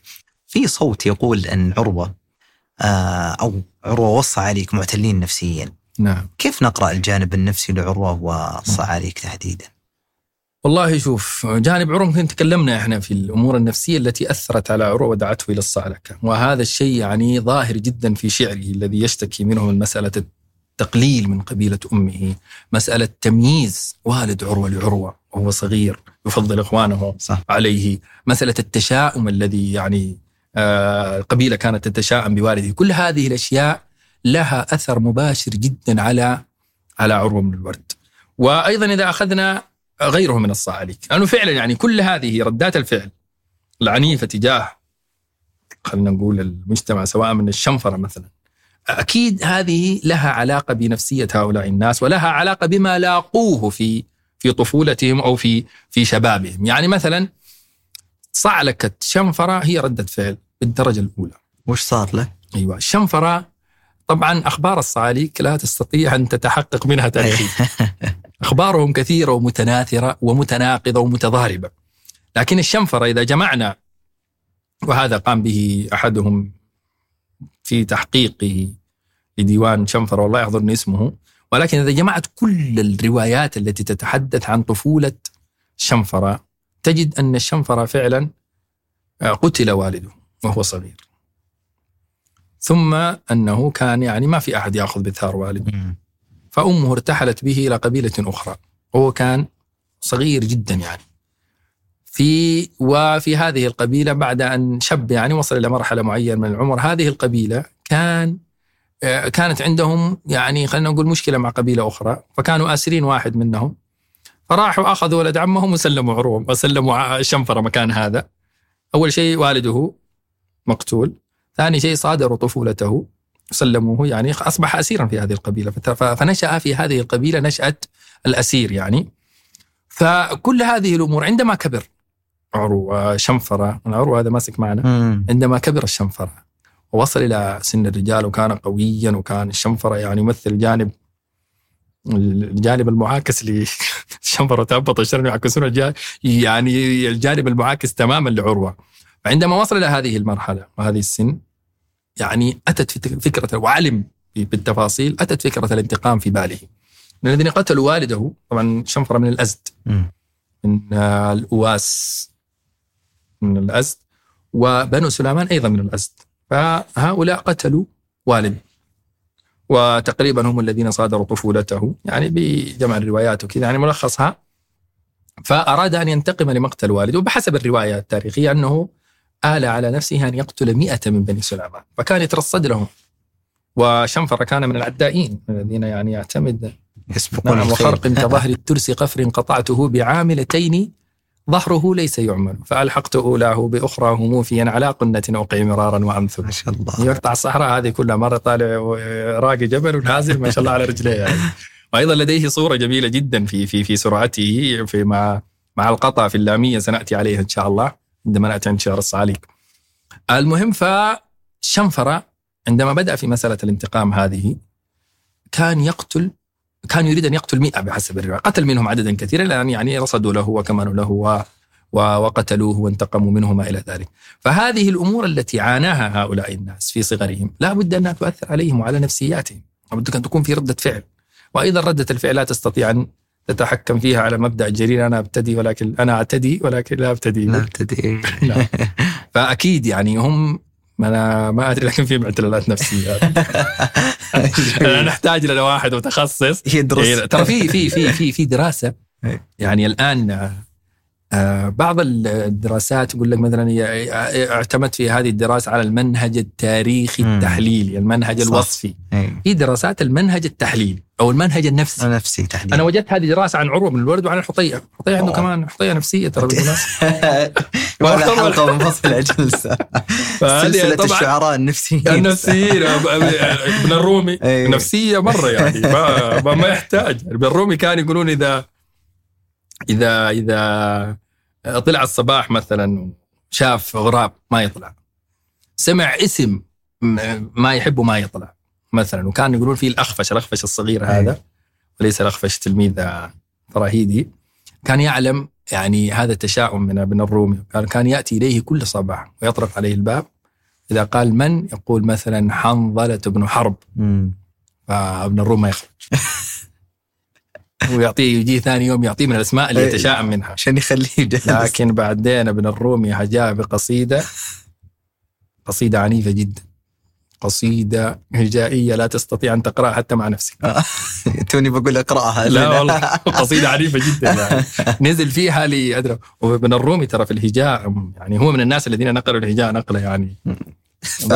شوية ما في الهجاء في العصر الجاهلي كان يركز على الأمور المعنوية، يعني يصفون الرجل بالجبن وبالبخل و- وبيلة لا يغدرون بذمة ولا يظلمون الناس حبة خردل ولا يريدون الماء إلا عشية إذا صدر الوراد من كل منهل. وما قيل إيش؟ المهم إنه وما قيل للجعلان.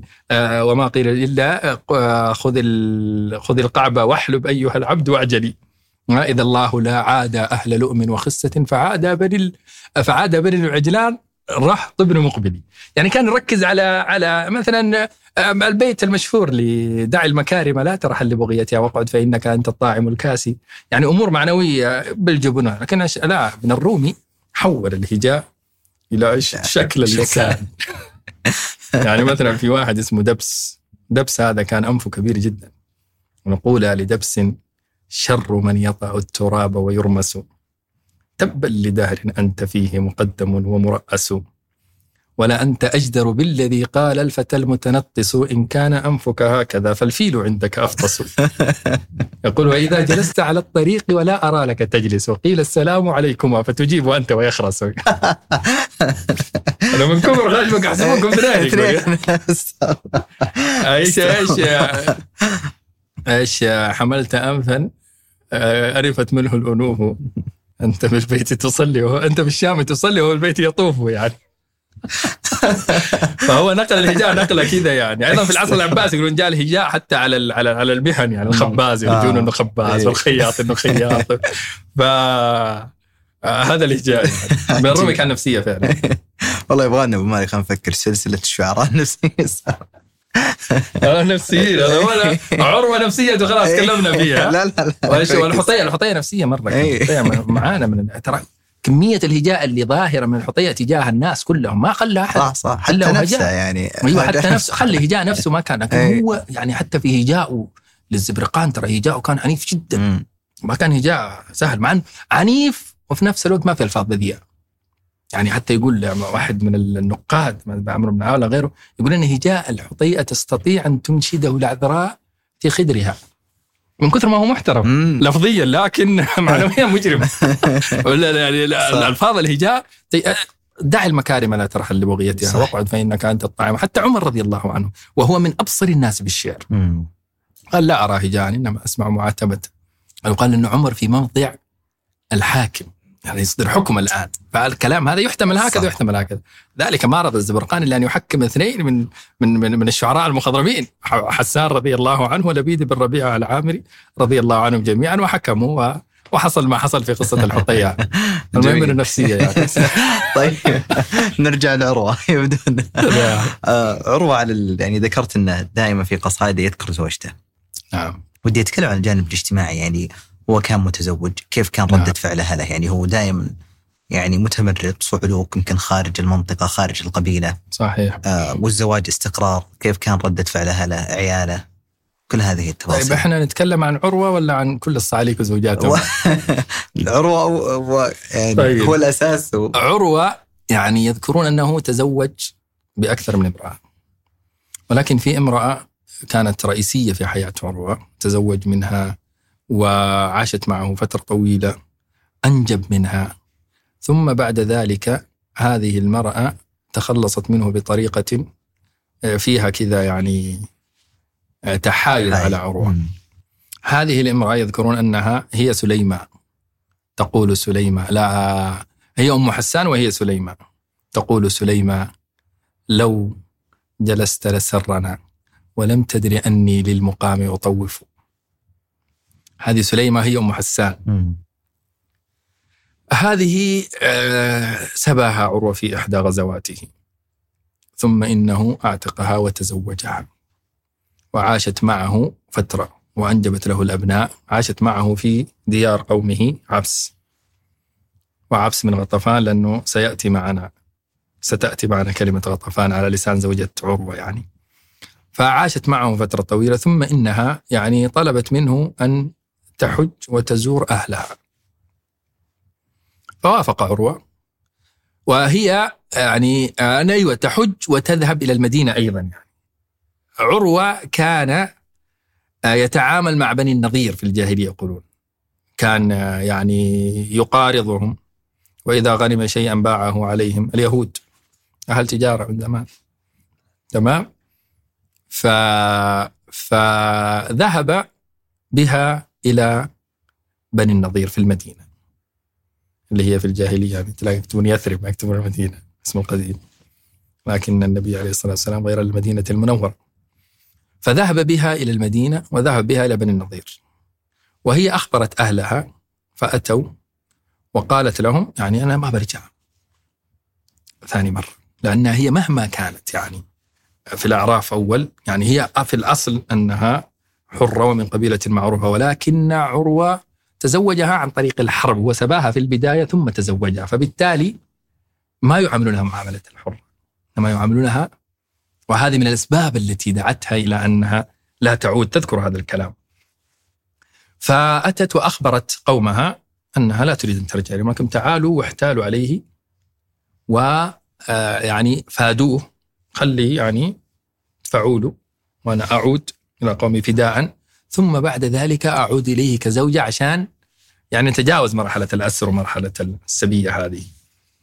فأتى ويقال أنهم اتفقوا مع اليهود اللي هو أهلها.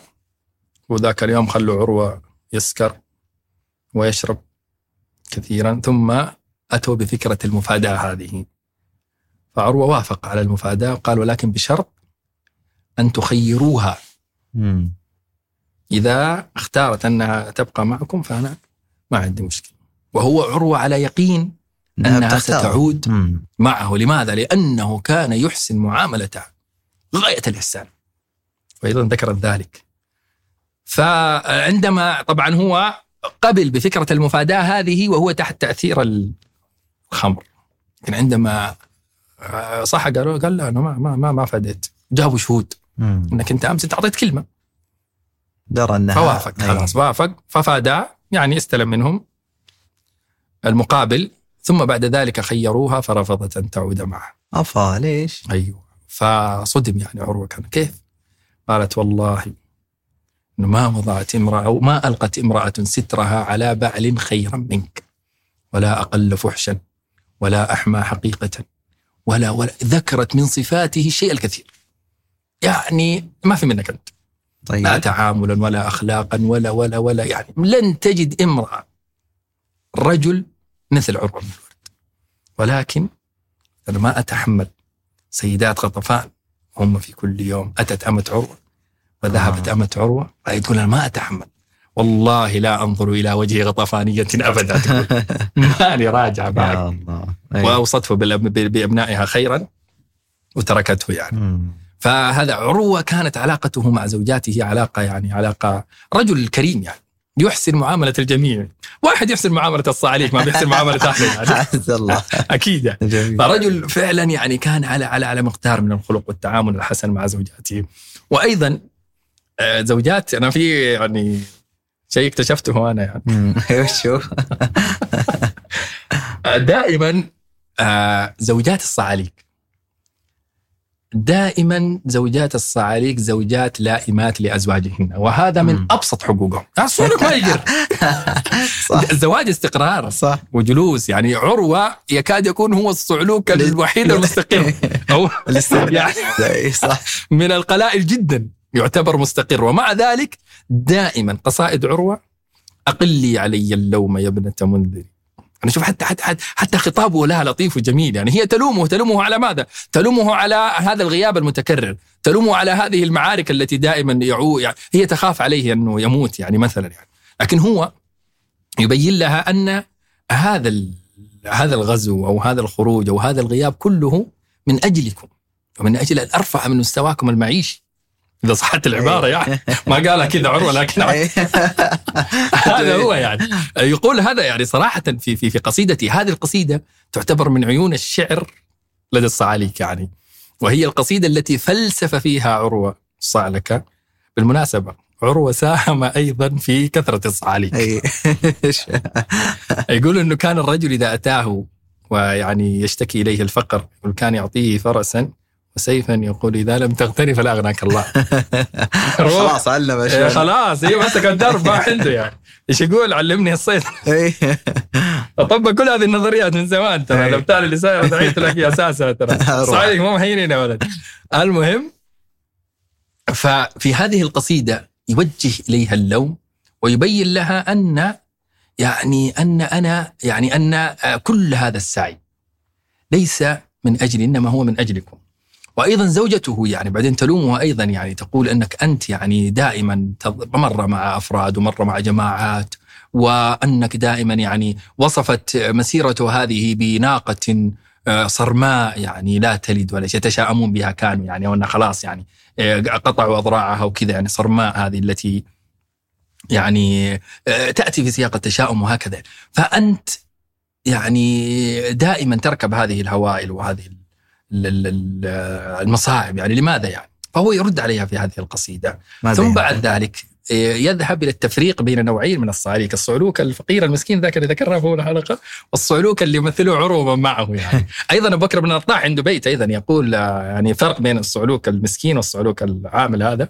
يقول ومن يفتقر منا يعني حني الصعاليك الفخمين ومن يفتقر منا يعيش بحسامه ومن يفتقر من سائر الناس يسألي. هذا هذا الفرق إيه، هذا مسكين لكن هو ما يسأل أحد. يا مالك بن الريب يقول سيغنيني المليك ونصل سيفي وكرات الكميت على التجارة هذا منطق الصعاليك. وصح إيه. خطأ خلنا منه لكن هذا منطق الصعاليك كان يعني حتى نعرضهم كما كان. عروة في هذه القصيدة يقول أقلي علي اللوم يا ابنة منذري. ونامي وإن لم تشتهي النوم فاسهري. ذريني ونفسي أم حسان إنني بها قبل ألا أملك البيع مشتري. أحاديث تبقى والفتى غير. أحاديث تبقى والفتى غير خالد إذا هو أمسى هامة تحت صيري. ذريني أطوف في البلاد لعلني أخليك أو أغنيك عن سوء محضري. فإن فاز سهم للمنية لم أكن جزوعا وهل عن ذاك من متأخري. وإن فاز سهمي كفكم عن مقاعد لكم خلف أدبار البيوت ومنظري. تقول لك الويلات هل أنت تارك طبوءا برجل تارة وبمنسر ومستثبت في مالك العام إنني أراك على أقتاد صرماء مذكري فجوع لأهل الصالحين مزلة مخوف رداها أن تصيبك فاحذري أبا الخفض من يغشاك من ذي قرابة ومن كل سوداء المعاصم تعتري ومستهنئ زيد أبوه فلا أرى له مدفعا فقني حياءك واصبري لح الله صعلوكا هذا غير مرغوب فيه. ولح الله صعلوكا إذا جن ليله مصافي المشاش آلفا كل مجزري. يعد الغنى من نفسه كل ليلة أصاب قراها من صديق ميسر. يبيت عشاء ثم يصبح ناعسا. يحت الحصى عن جنبه المتعفر. قليل التماس الزاد إلا لنفسه إذا هو أمسى. كالعريش المجور يعين نساء الحي ما يستعنه ويمسي طليحا كالبعير المحسر. ولكن صعلوكا صفيحة وجهه. كضوء شهاب القابس المتنور مطلا على أعدائه يزجرونه بساحتهم زجر المنيح المشهر إذا بعدوا لا يأمنون اقترابه تشوف أهل الغائب المتنظر فذلك إن يلقى المنية يلقها حميدا وإن يستغني يوما فأجدري. شوف التفريق بين النوعين من الصعاليك الصعلوك الأول يعني ما في همة. أهمه الأول والأخير إنه يبات يبي يبيت عشاء. هذه طبعا عند الصعاليك إشكالية كبيرة اللي ينام بدري هذا عنده إيه. ما ينامون بدري ابدا بل ما ينامون في الليل كله يمكن. يبيت عشاء. ثم إنه قال المصافي المشاش هذا المكان الذي تنحر فيه الجزر يروح هناك يشوف يأخذ ما ما تبقى من الطعام. هم في في, في الدنوب بطريقة عجيبة جدا. وفوق ذلك همه الأول الأخير قليل التماس الزاد إلا لنفسه. ما يفكر في غيره عروة. وصى عليك المفروض إنهم يفكرون في غيره بعدين تهمك نفسك بس ما عندك على الثاني. ها وبعدين يعين نساء الحي ما يستعنه. يعني هذا إنسان يستخدمنه النساء يقصد هكذا يعني.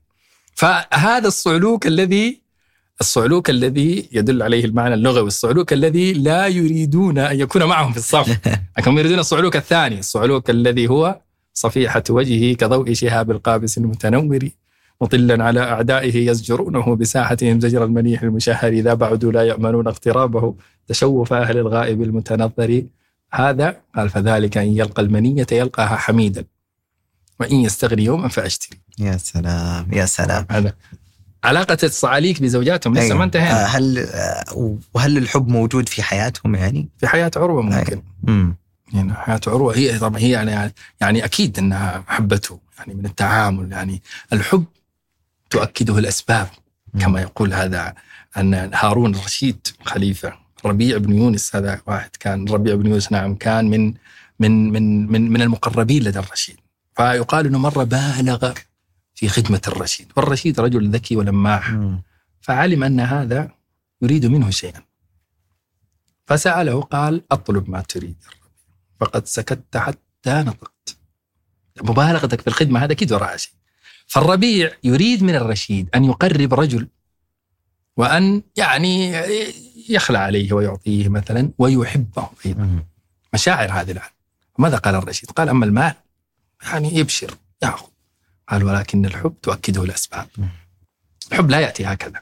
عروة من خلال تعامل الراقي هذا مع زوجها أكيد أنها يعني نشأت علاقة حب. وهي أيضا يعني ما يعني حتى عندما تركته في مؤامرة اليهود هذه عندما تركته أيضا يعني قالت كل كلام جميل وانفصلت عنه بكل رقي. لذلك يعني الحب موجود في حياة عروة. أيضا آه علاقة الصعاليك بزوجاتهم دائما علاقة علاقة متوترة علاقة. علاقة متقلقة لأن حياة الصعاليك غير مستقرة. والزواج من أول شروط الاستقرار. صح. فإذا ما في استقرار في مشكلة. لكن آه مثلا آه آه آه الشنف آه تأب عفوا الش- تأبط شرا تأبط شرا. طلب أو امرأة من بني عبس فرفضته طبيعي ترفض هي رفضته. يقول فهو يرد عليه ليش؟ لأن شكلها شاورت الناس. قالوا أي. ترى هذا بأول يمكن أول سهم يقتله. إيه. يقول وقالوا لها لا تنكحيه فإنه لأول نصر أن يلاقي مجمعا فلم تر من رأي فتيلا وحاذرت. تأيمها من لابس الليل اروعا خ- خايفه أنها تت... بكرة. إيش اسمه؟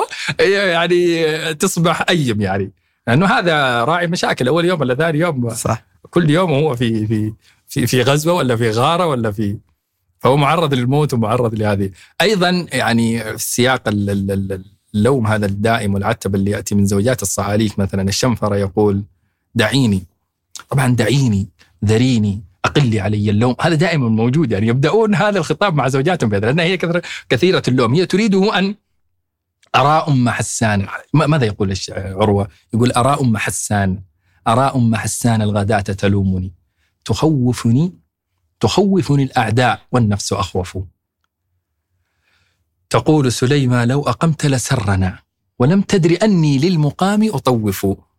لعل الذي خوفتنا من أمامنا يصادفه في أهله المتخلف. فهي تخاف عليه إنه يروح يموت. يقول ترى ممكن أنا أجلس وأموت يعني. صح. آه اللي إيش يقول؟ ال- ال- البيت قد يهلك الإنسان من حيث مامنه وينجو بإذن الله من حيث يحذر. شنفر مثلا يقول دعيني لزوجته. يقول دعيني وقولي بعد ما شئت إنني سيغدى بنعشي مرة فأغيب. خرجنا فلم نعهد وقلت وصاتنا ثمانية ما بعدها. متعتب سراحين فتيان كأن وجوههم. مصابيح أو لون من الماء مذهب. نمر برهو الماء صفحا وقد طوت ثمائلنا والزاد ظن. مغيب ثلاثا على الأقدام حتى بنا. إلى العوص شعشاع من القوم محرم. دعيني وقولي بعد ما شئت. سيبيني خلنا نروح بعدين قولي خلوه زي ما تبغين جميل. فموجودة هذه. وأيضا قصة ال- السليك ذكرناها التي رفضته. وطبعا ترفضه لحياتهم اللي صح ما في استقرار ما في أمان معاكم جميل. فإحنا تقريبا جانب الحب ممكن عروة هو اللي وقع في جانب تقريباً الحب. نعم. اي البقية غالبا إنهم يعني ذكرت في أحد القصائد الليل ومدح لليل وأن ان الصعاليك لا ينامون تقريبا الليل وجزء من سماتهم أنهم يعني نعم. اللي هو الصعلوك الفقير اللي ينام يبيت عشاء. اي فلا تصلي بصعلوك النؤوم يقول. يقول يبيت عشاء ثم يصبح ناعسا يحط الحصى عن جنبه المت- المتعفر وهذا يقول ولا تصلي بصعلوك النؤوم إذا أمسى يعد من العيال. كيف كان حالهم مع الليل؟ حالهم مع الليل. هذه يعني في كتاب اسمه شعريه الانشقاق. مم. رؤية العالم من خلال شعر الصعاليك. جميل. نعم هذا الكتاب للدكتور صغير العنز مم. يتكلم على هذه الجزئية جزئية الليل ليل النشاط والحركة عند الصعاليك. طبعا هو في عنده تقسيم جديد يقول الهامش والمركز أظن هذا مناسب جدا عشان نعرف من هم الهامش ومن هم المركز. أي. واضح يعني الهامش صح. ما يحتاج يعني. فيقول الليل عند المركز. إذا أخذنا الليل عند المركز هو للهدوء. وللسكينة والنهار هو يعني انه دائما وقد أغتدي والطير في وكناتها وأن النجاح في التبكير مثلا. وأنه يعني ما ينام النهار إلا نؤوم الضحى لم تنطلق عن تفضل المختومه هذه اللي هي اللي تنام النهار. ولا الاصل أن الناس ينامون في الليل ويباكرون ويباشرون أعمالهم في النهار يعني.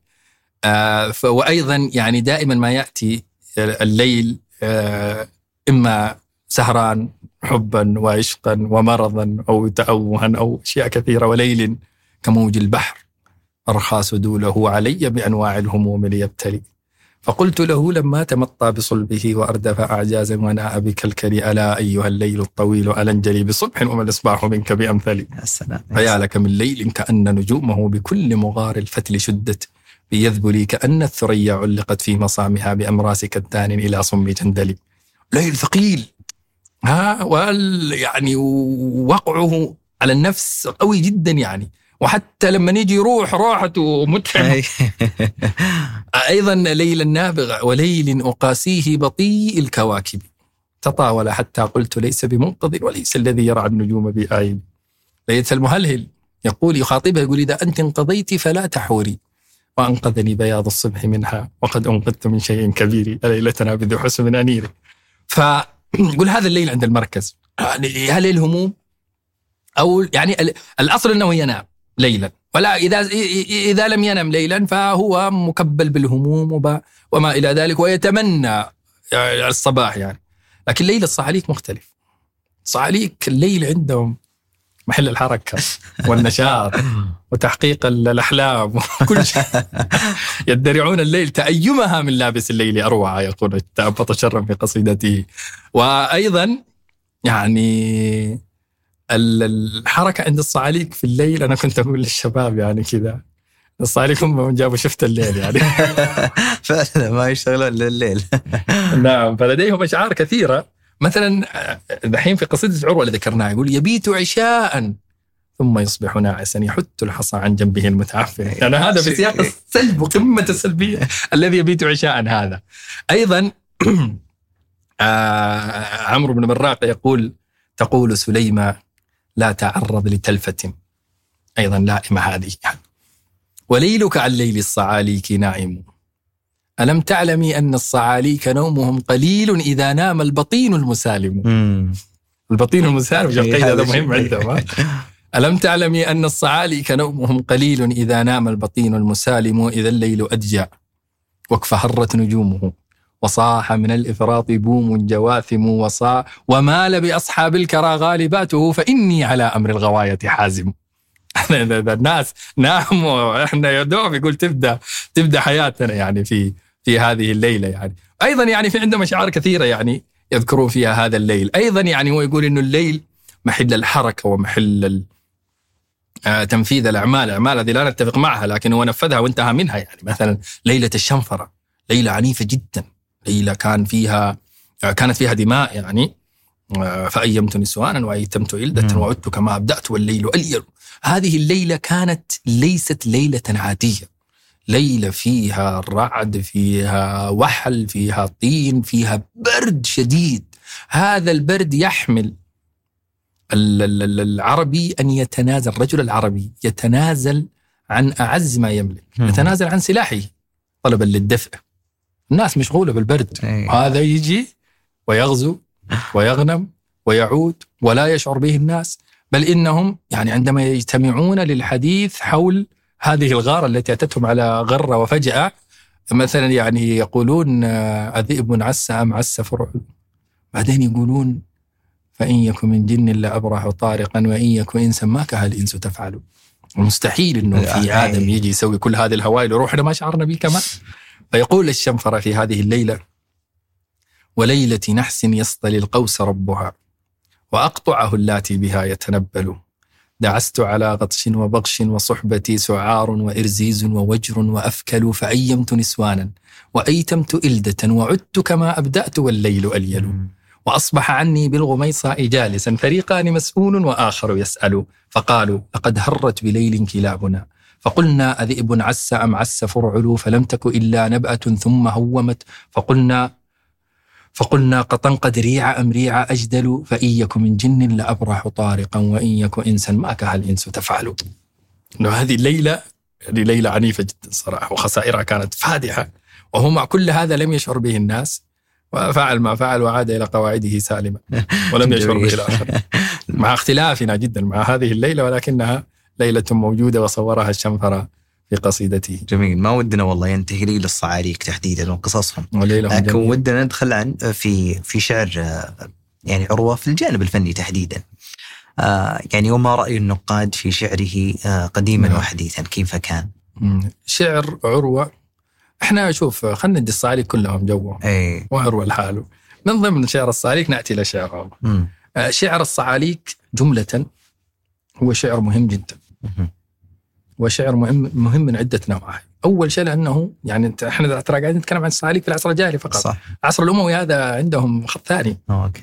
هي لسه قصة طويلة. العصر الأموي جدت مواضيع وشعر السجون وأشياء كثيرة يعني جدت في العصر الأموي يعني.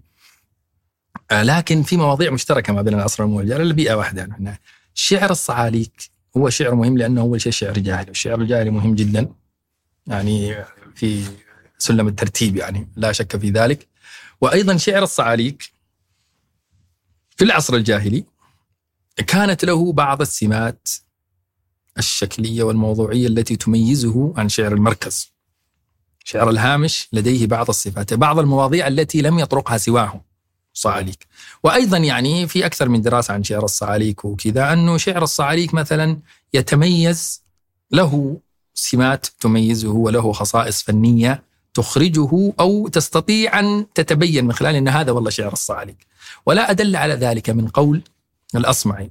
في أربع أبيات في معلقة آه امرؤ القيس عند الزوزني.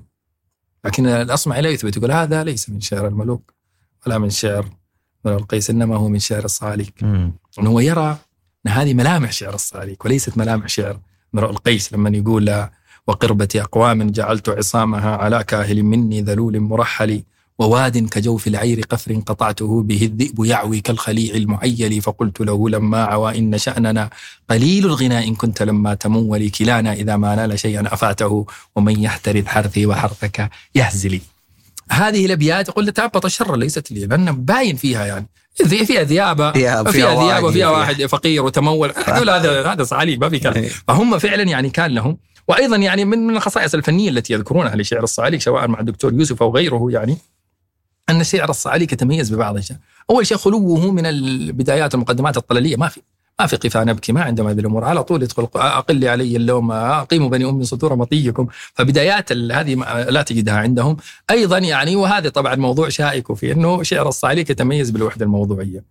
الوحدة الموضوعية يعني إنه فعلا شعرهم دائما قصير. وأيضا شعرهم شعر مقطعات. وليس قصائد طويلة نادرا تلاقي القصائد الطويلة عند الصعاليك طبعا من بيت إلى ثمانية أبيات تقريبا هذه يطلقون عليها مقطوعة وما زاد عن ذلك يقولون لها قصيدة, قصيدة. قصيدة نعم. فالمقطوعات عند الصعاليك مرة كثيرة. وأيضا في تحليل يعني لهذا في تأويلات يعني إنه منه إنه أصلا ترى هذا المقطوعات كان شعر طويل لكن عشان الناس ما يبغون يجيبون آه. شعر الصعاليك ما هذا الذي بقي من شعر الصعاليك وبعضهم يقول إن حياتهم المبنية على على اللا استقرار وعلى السرعة وعلى الخفة هي التي فرضت عليهم أن يكون شعرهم حتى أيضا بعده عن المحسنات اللفظية. وهذه يعني يجي يقول ويمشي أيضا في ألفاظ غريبة في شعر الصعاليك يعني بعض الألفاظ الغريبة تجدها في شعر الصعاليك ولست بمهياف يعشي سوامه مجدعة سقبانها وهي بحال ولا جب إن أكهى مرب بعرسه يطالعها في شأنه كيف يفعل. ولست بعل شره دون خيره ألف إذا ما رعته تاج أعزلها ولست بمحيار الظلام. إذا انتحت هدى الهوجل العسيف يهماء هوجل هذه كلمات يبغى لها كده أي. كتب جنبك. يعني تشرح. عشان تشرح لي تفهم المعاني لكن إذا تجاوزت هذا الحاجز اللغوي ستجد وراء هذا يقول فبعد هذا الظل يبلبل ماء وهواء وجنة أخرى تطيب في رياضها. تجد المعاني السامية والراقية جدا يعني. في شعر هذه القصيدة على الاختلاف. هل هي للشنفرة أم ليست للشنفرة لكن حتى وإن لم ملامحها. تكن للشنفرة الذي كتبها هو كتبها وهو لابس جلباب الصعاليك. عشان كذا يخرج بكل ما. يخص أي. الصعاليك. كتب و- وال- والحيوانات ومشهد الذئاب وما إلى ذلك. يعني في النهاية نص علوكي بامتياز. جميل. ما في كلام. أيضا يعني من الخصائص التي تجدها في شعر الصعاليك أنه في بعض المواضيع آه، طرقها الصعاليك لم يطرقها غيره. موضوع مثلا آه، سرعة العدو. الصعاليك كانوا يتميزون بسرعة العدو. كانوا يسمونهم عدائي العرب يعني. الشنفره مثلا كان يعدو على رجليه يعني عدوا سريعا تأبط شرا. آه، السليك آه، مجموعة مثلا آه، صعاليك هذيل أيضا كانوا يتميزون ب- بسرعة العدو. وهذا أيضا يعني في أيضا يعني لماذا كثير من من من من أفراد قبيلة هذيل هذيل يتميزون بهذه السرعة، يعني مثلا لما تكلم الأصمعي عن أبي ذؤيب الهذلي صاحب قصيدة من المنون وريبها تتوجع والدهر ليس بمعتب من يجزع يقول كان له عشرة أخوة كلهم شعراء وكلهم عداء. يعني ال- ال- السمة هذه البارزة. يعني طبيعة. منطقة جبلية وطبيعة الم- المنطقة البيئة التي هم فيها يعني تفرض عليهم طالع نازل من الجبل كل يوم لا يقفل ما شاء الله عليه. عظيم. نعم. ف هذا شعر أيضا شعر المراقب. المراقب هذه يعني أماكن في أم- أعالي الجبال كان يتخذها الصعاليك ل- لمراقبة الناس وأحيانا للهروب من الناس أي. يعني. هذه أماكنهم التي بعضهم يرى أن المراقب هذه يعني تعويض لبكاء على الأطلال والديار يعني أصبحت المراقب هي ديارهم يعني هذه من الصفات أو من السمات الفنية لشعر الصعاليك الذي لا تكاد تجد عنده الفرار من المعارك مثلا صعاليك ما كان عندهم مشكلة إنه يفر من المعركة يعني المركز كان يرى هو. كر وفر أصلا لا يعني. بس عيب إنه إيه، ترى يعني صح. عيب يعني في الثقافة وفي الخيال. العربي إن الهروب من المعركة شيء عظيم بعضهم يعني يثبت في المعركة يموت يعني العال ولا الموت ولا الدنيا ولا ولا, العار. صح. لأنه هذا العار يمتد ربما إلى أحفاده. يعني لذلك كانوا يتركز عليك.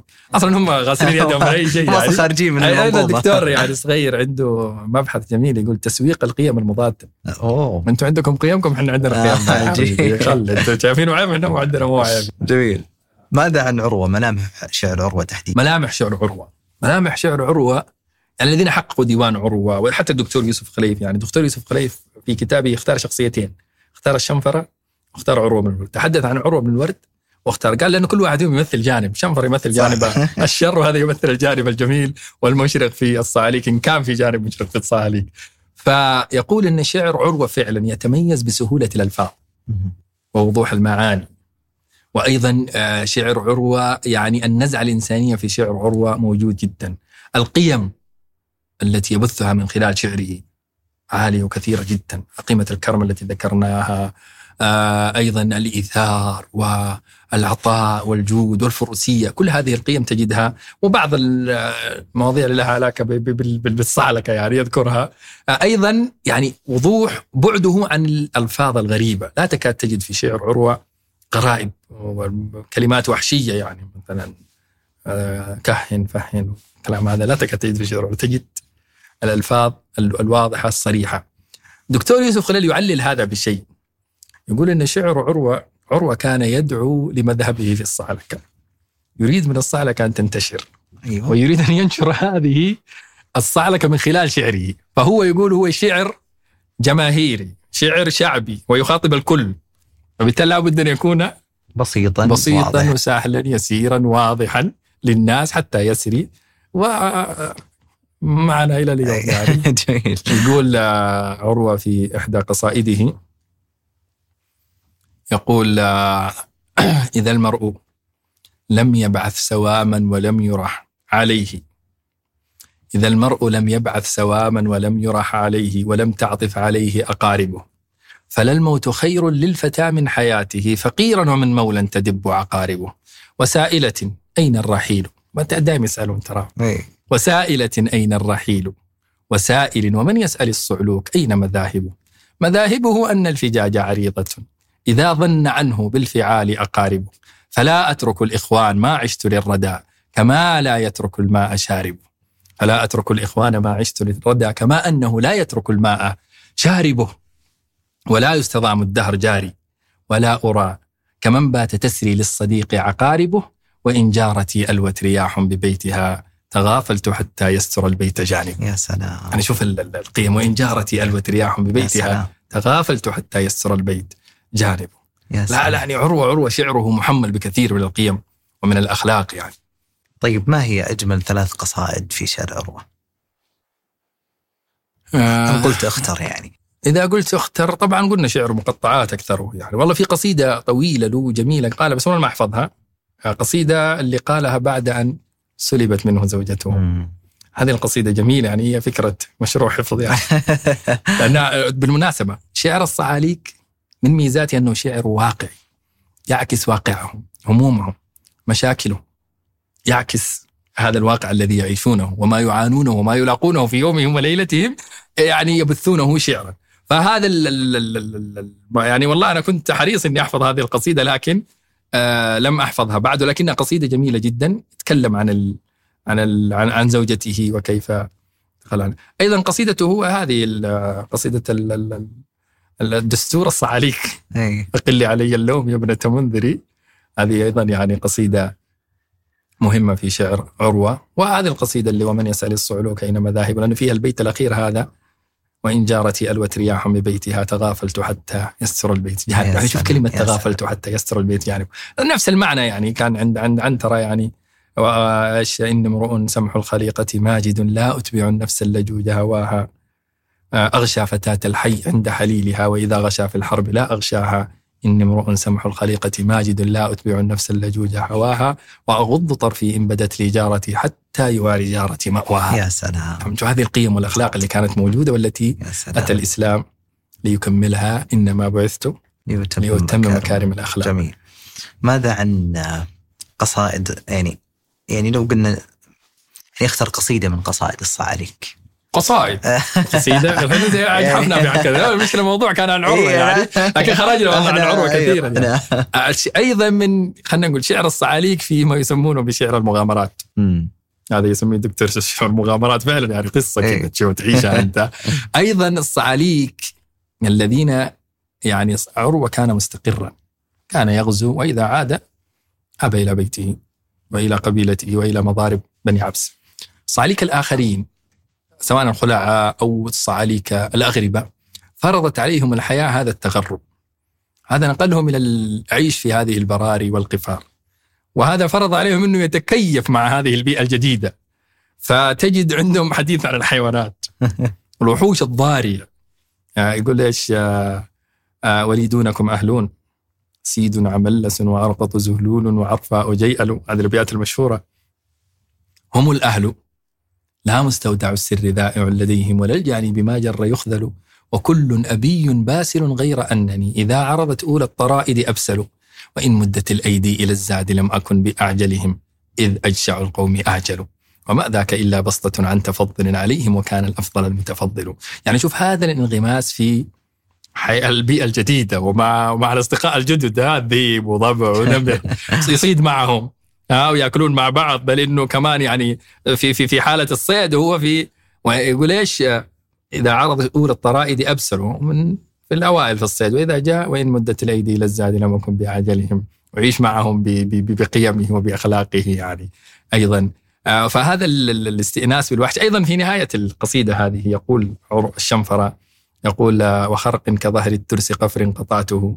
بعاملتين ظهره ليس يعمل فألحقت أولاه بأخراه موفيا على قنة أقعي مرارا وأمثل ترود الأراوي الصحم حولي كأنها عذارى عليهن الملاء المذيل ويركضن بالآصال حولي كأنني من العصم أدفى ينتحي الكيها أعقل. تكلم عن هذه الوعول التي تكون في أعالي الجبال وكأنه واحد منها يعني. عايش وسطهم كأنه واحد. استئناس بالوحش وبالحيوانات وبالوحوش هذه هذا تجده في في شعر الصعاليك. أيضا الجن والشياطين عند الصعاليك هذا أكثر شيء عند تأبط شرا. تأبط شرا يعني هو صعلوك آه، كذا آه، يعني مكتمل الأركان. يعني فل أوبشن فتحة في السقف. إيه. آه، أول شيء من قبيلة فهم. قبيلة فهم يكثر فيها الصعاليك يعني من القبائل التي يكثر فيها الصعاليك ذكروا هذا يعني. وأيضا يقال أنه واحد فيهم ابن أخ الثاني هو الشنبر في بينهم علاقة قرابة يعني. وأيضا أبو كبير الهذلي كان متزوجا من والدة تأبط شر. أبو كبير الهذلي من كبار صعاليك هذيل فتأبط شرا ما في مجال ما يصير صعلوك. ناشي كذا في بيئة كلها صعلكة وأيضا تأب- تأبط شرا من أكثر الصعاليك الذين ذكروا مسألة الغول وال- والجن وهذه الحاجات الغريبة يعني. وأيضا حتى الاستئناس بالوحش يعني يقول رأينا فتى لا صيد وحش يهمه فلو صافحت إنسا لصافحناه معه. من كثر ما هو متأقلم معهم يعني. خلاص ما معدي استأنسوا إليه وأمنوه يعني ولا يخافون منه. فمثلا على طاري الجن يعني هو يقول أنه آه، كان في سفر الظاهر واضطرته الظروف أن ينيخ راحلته ويرتاح قليلا في منطقة موحشة لكن عاد ظروف ليرتاح ويريح راحلته. فأتوه جماعة. الجن يقول ونار طبعا أشعل النار. ونار قد حظأت بعيد هدء بدار ما أريد بها مقاما. سوى تحليل راحلة وعير أكالئه مخافة أن ينام أتوا ناري. فقلت منون قالوا. سرات الجن قلت عم طلاما فقلت إلى الطعام فقال منهم كبير نحسد الإنس الطعام لقد فضلتم بالأكل فينا ولكن ذاك يعقبكم سقاما. يا سلام. جوه الجن عاد. واستضافوا حياكم ورحبهم كريم الرجال. كريم. إي لكن عاد قالوا له والله إحنا ما ناكل. ال- ال- الغيلان مثلا. يعني هو يقولون في سبب تسميته تأبط الشرا طبعا هو ثابت بن جابر الفهمي. في سبب تسميته تأبط شرا في عدة روايات في روايات كذا يعني شعبية خيالية لأنه إنه يعني رأى كبشا في الطريق فاحتمله وأتى به إلى يعني إلى مضارب القبيلة فعندما رآه وجدوه الغول. قالوا تعبط شرا تعبط شرا والتصق به الاسم ويقال أنه في موسم الكمى الفقع الحين يسمونها. أيوه كانوا الأطفال يروحون ويأتون بهذه الكمى لأمهاتهم فتعبط شرا لابد في البيت الظاهر. هم قالت له روح يعني بحسب القصة يعني. فذهب وأتى. وأخذ معه الجراب وملأه حياة يعني ثعابين وجار معها. فخرجت تجري فسالوها قالت تعبط شرا لأنه كان متعبط الجراب هذا. وقالوا إنه تعبط سيفه وخرج فقال فخرجت وراءه ما قالت تعبط شرا. في قصص كثيرة في سبب التسميه لكن هذا ما يهم إيه، على طاري تعبط شرا في نكتة في في قصة جميلة يعني وطريفة ولطيفة مع تعبط شرا. قال تعبط شرا آه، لقيه رجل اسمه أبو وهب. أبو وهب هذا الرجل كان فيه خفة عقل تقريبا. وتعبط شرا كان يقول يعني يذكرون من صفاته أنه كان دميم وقصير وقبيح. يعني تشوفه كذا السمعة ذي كلها على إيش تقول فهذا أبو وهب وكأنه استصغر تعبط الشر أنت أنت يعني فقال بما تهزم الرجال يا ثابت وأنت كما أرى قصير ودميم. على إيش؟ فتعبط شرا وكأنه لمح إنه هذا فيه خفة قال إنما أهزمهم باسمي. إذا لقيت الرجل أقول له أنا تعبط شرا فينخلع قلبه وأسلبه ماله فأبو وهب هنا يبغى يعقد صفقة مع تعبط شرا قال فهل لك أن تبيعني اسمك؟ جميل. خلاص. تعبط شرا. قال وما المقابل؟ قال حلتي هذه. قال إنه كان يلبس حلة جميلة. فتمت الصفقة. تعبط شرا أكيد يعني ما كان لابس لبس إيه. كويس يعني. شنفرة يقول يقول ويوم من الشعر يذوب لوابه وأفاعيه في رمضائه تتململ. نصبت له وجهي ولكن دونه ولا ستر إلا الأتحمي المرعبل التحمي المرعبل هذا نوع من اللبس ممزق وأعتقد إنه تعبط شرا ما هو بعيد عنه. ملابسه يعني. فأخذ أبو وهب آه، هذه الملابس الطمرين البالية هذه حقت تهبط شرا وأعطاها الحلة الجميلة. فافترقوا. فتأبط شرا قال ثلاثة أبيات وجهها إلى زوجة أبي وهب. يبين لها أنه ترى العملية ليست بالأسماء ولا هي بالأشكال ولا هي ب ما هي بالأفعال. وما يملك الإنسان من قوة يا سلام. قال من مبلغ الحسناء أن حليلها؟ تأبط شرا واكتنيت أبا وهبي فهبه تسمى اسمي وسماني اسمه. فأين له في كل فادحة قلبي؟ وأين له بأس كبأسي وشدتي؟ وأين له صبري على معظم الخطب؟ يا سلام. الشغلة ما هي بالأسماء ولا هي بال... بال... بال... بال... بالأشكال إنما هي بالأفعال. يا سلام.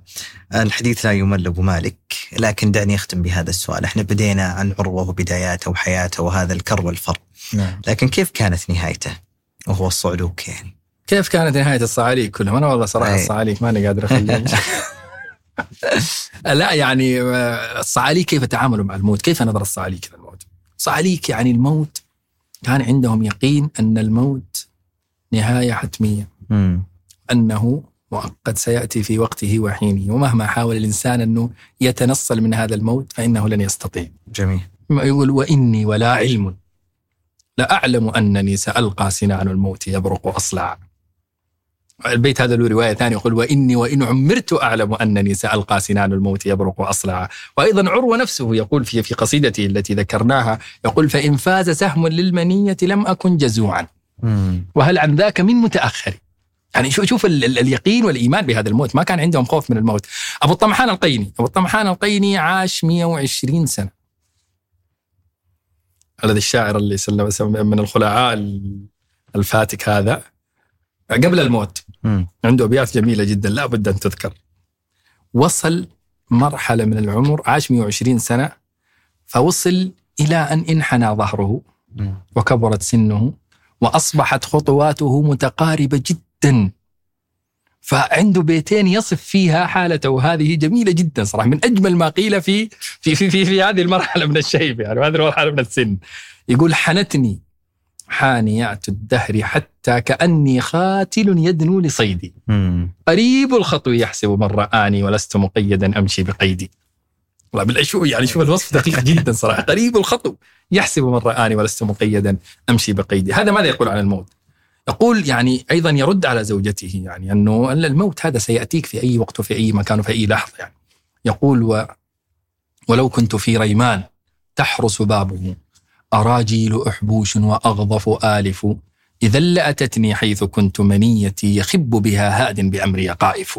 قل لو رحت في هذا المكان الحصين المحصن وعليه الحرس وهذه الكلاب التي آه، تحرس هذا المكان والجنود و لكن سيأتيني الموت وكأنه يدل طريقي وكأنه يدل واحد يعني مباشرة علي أنا يعني.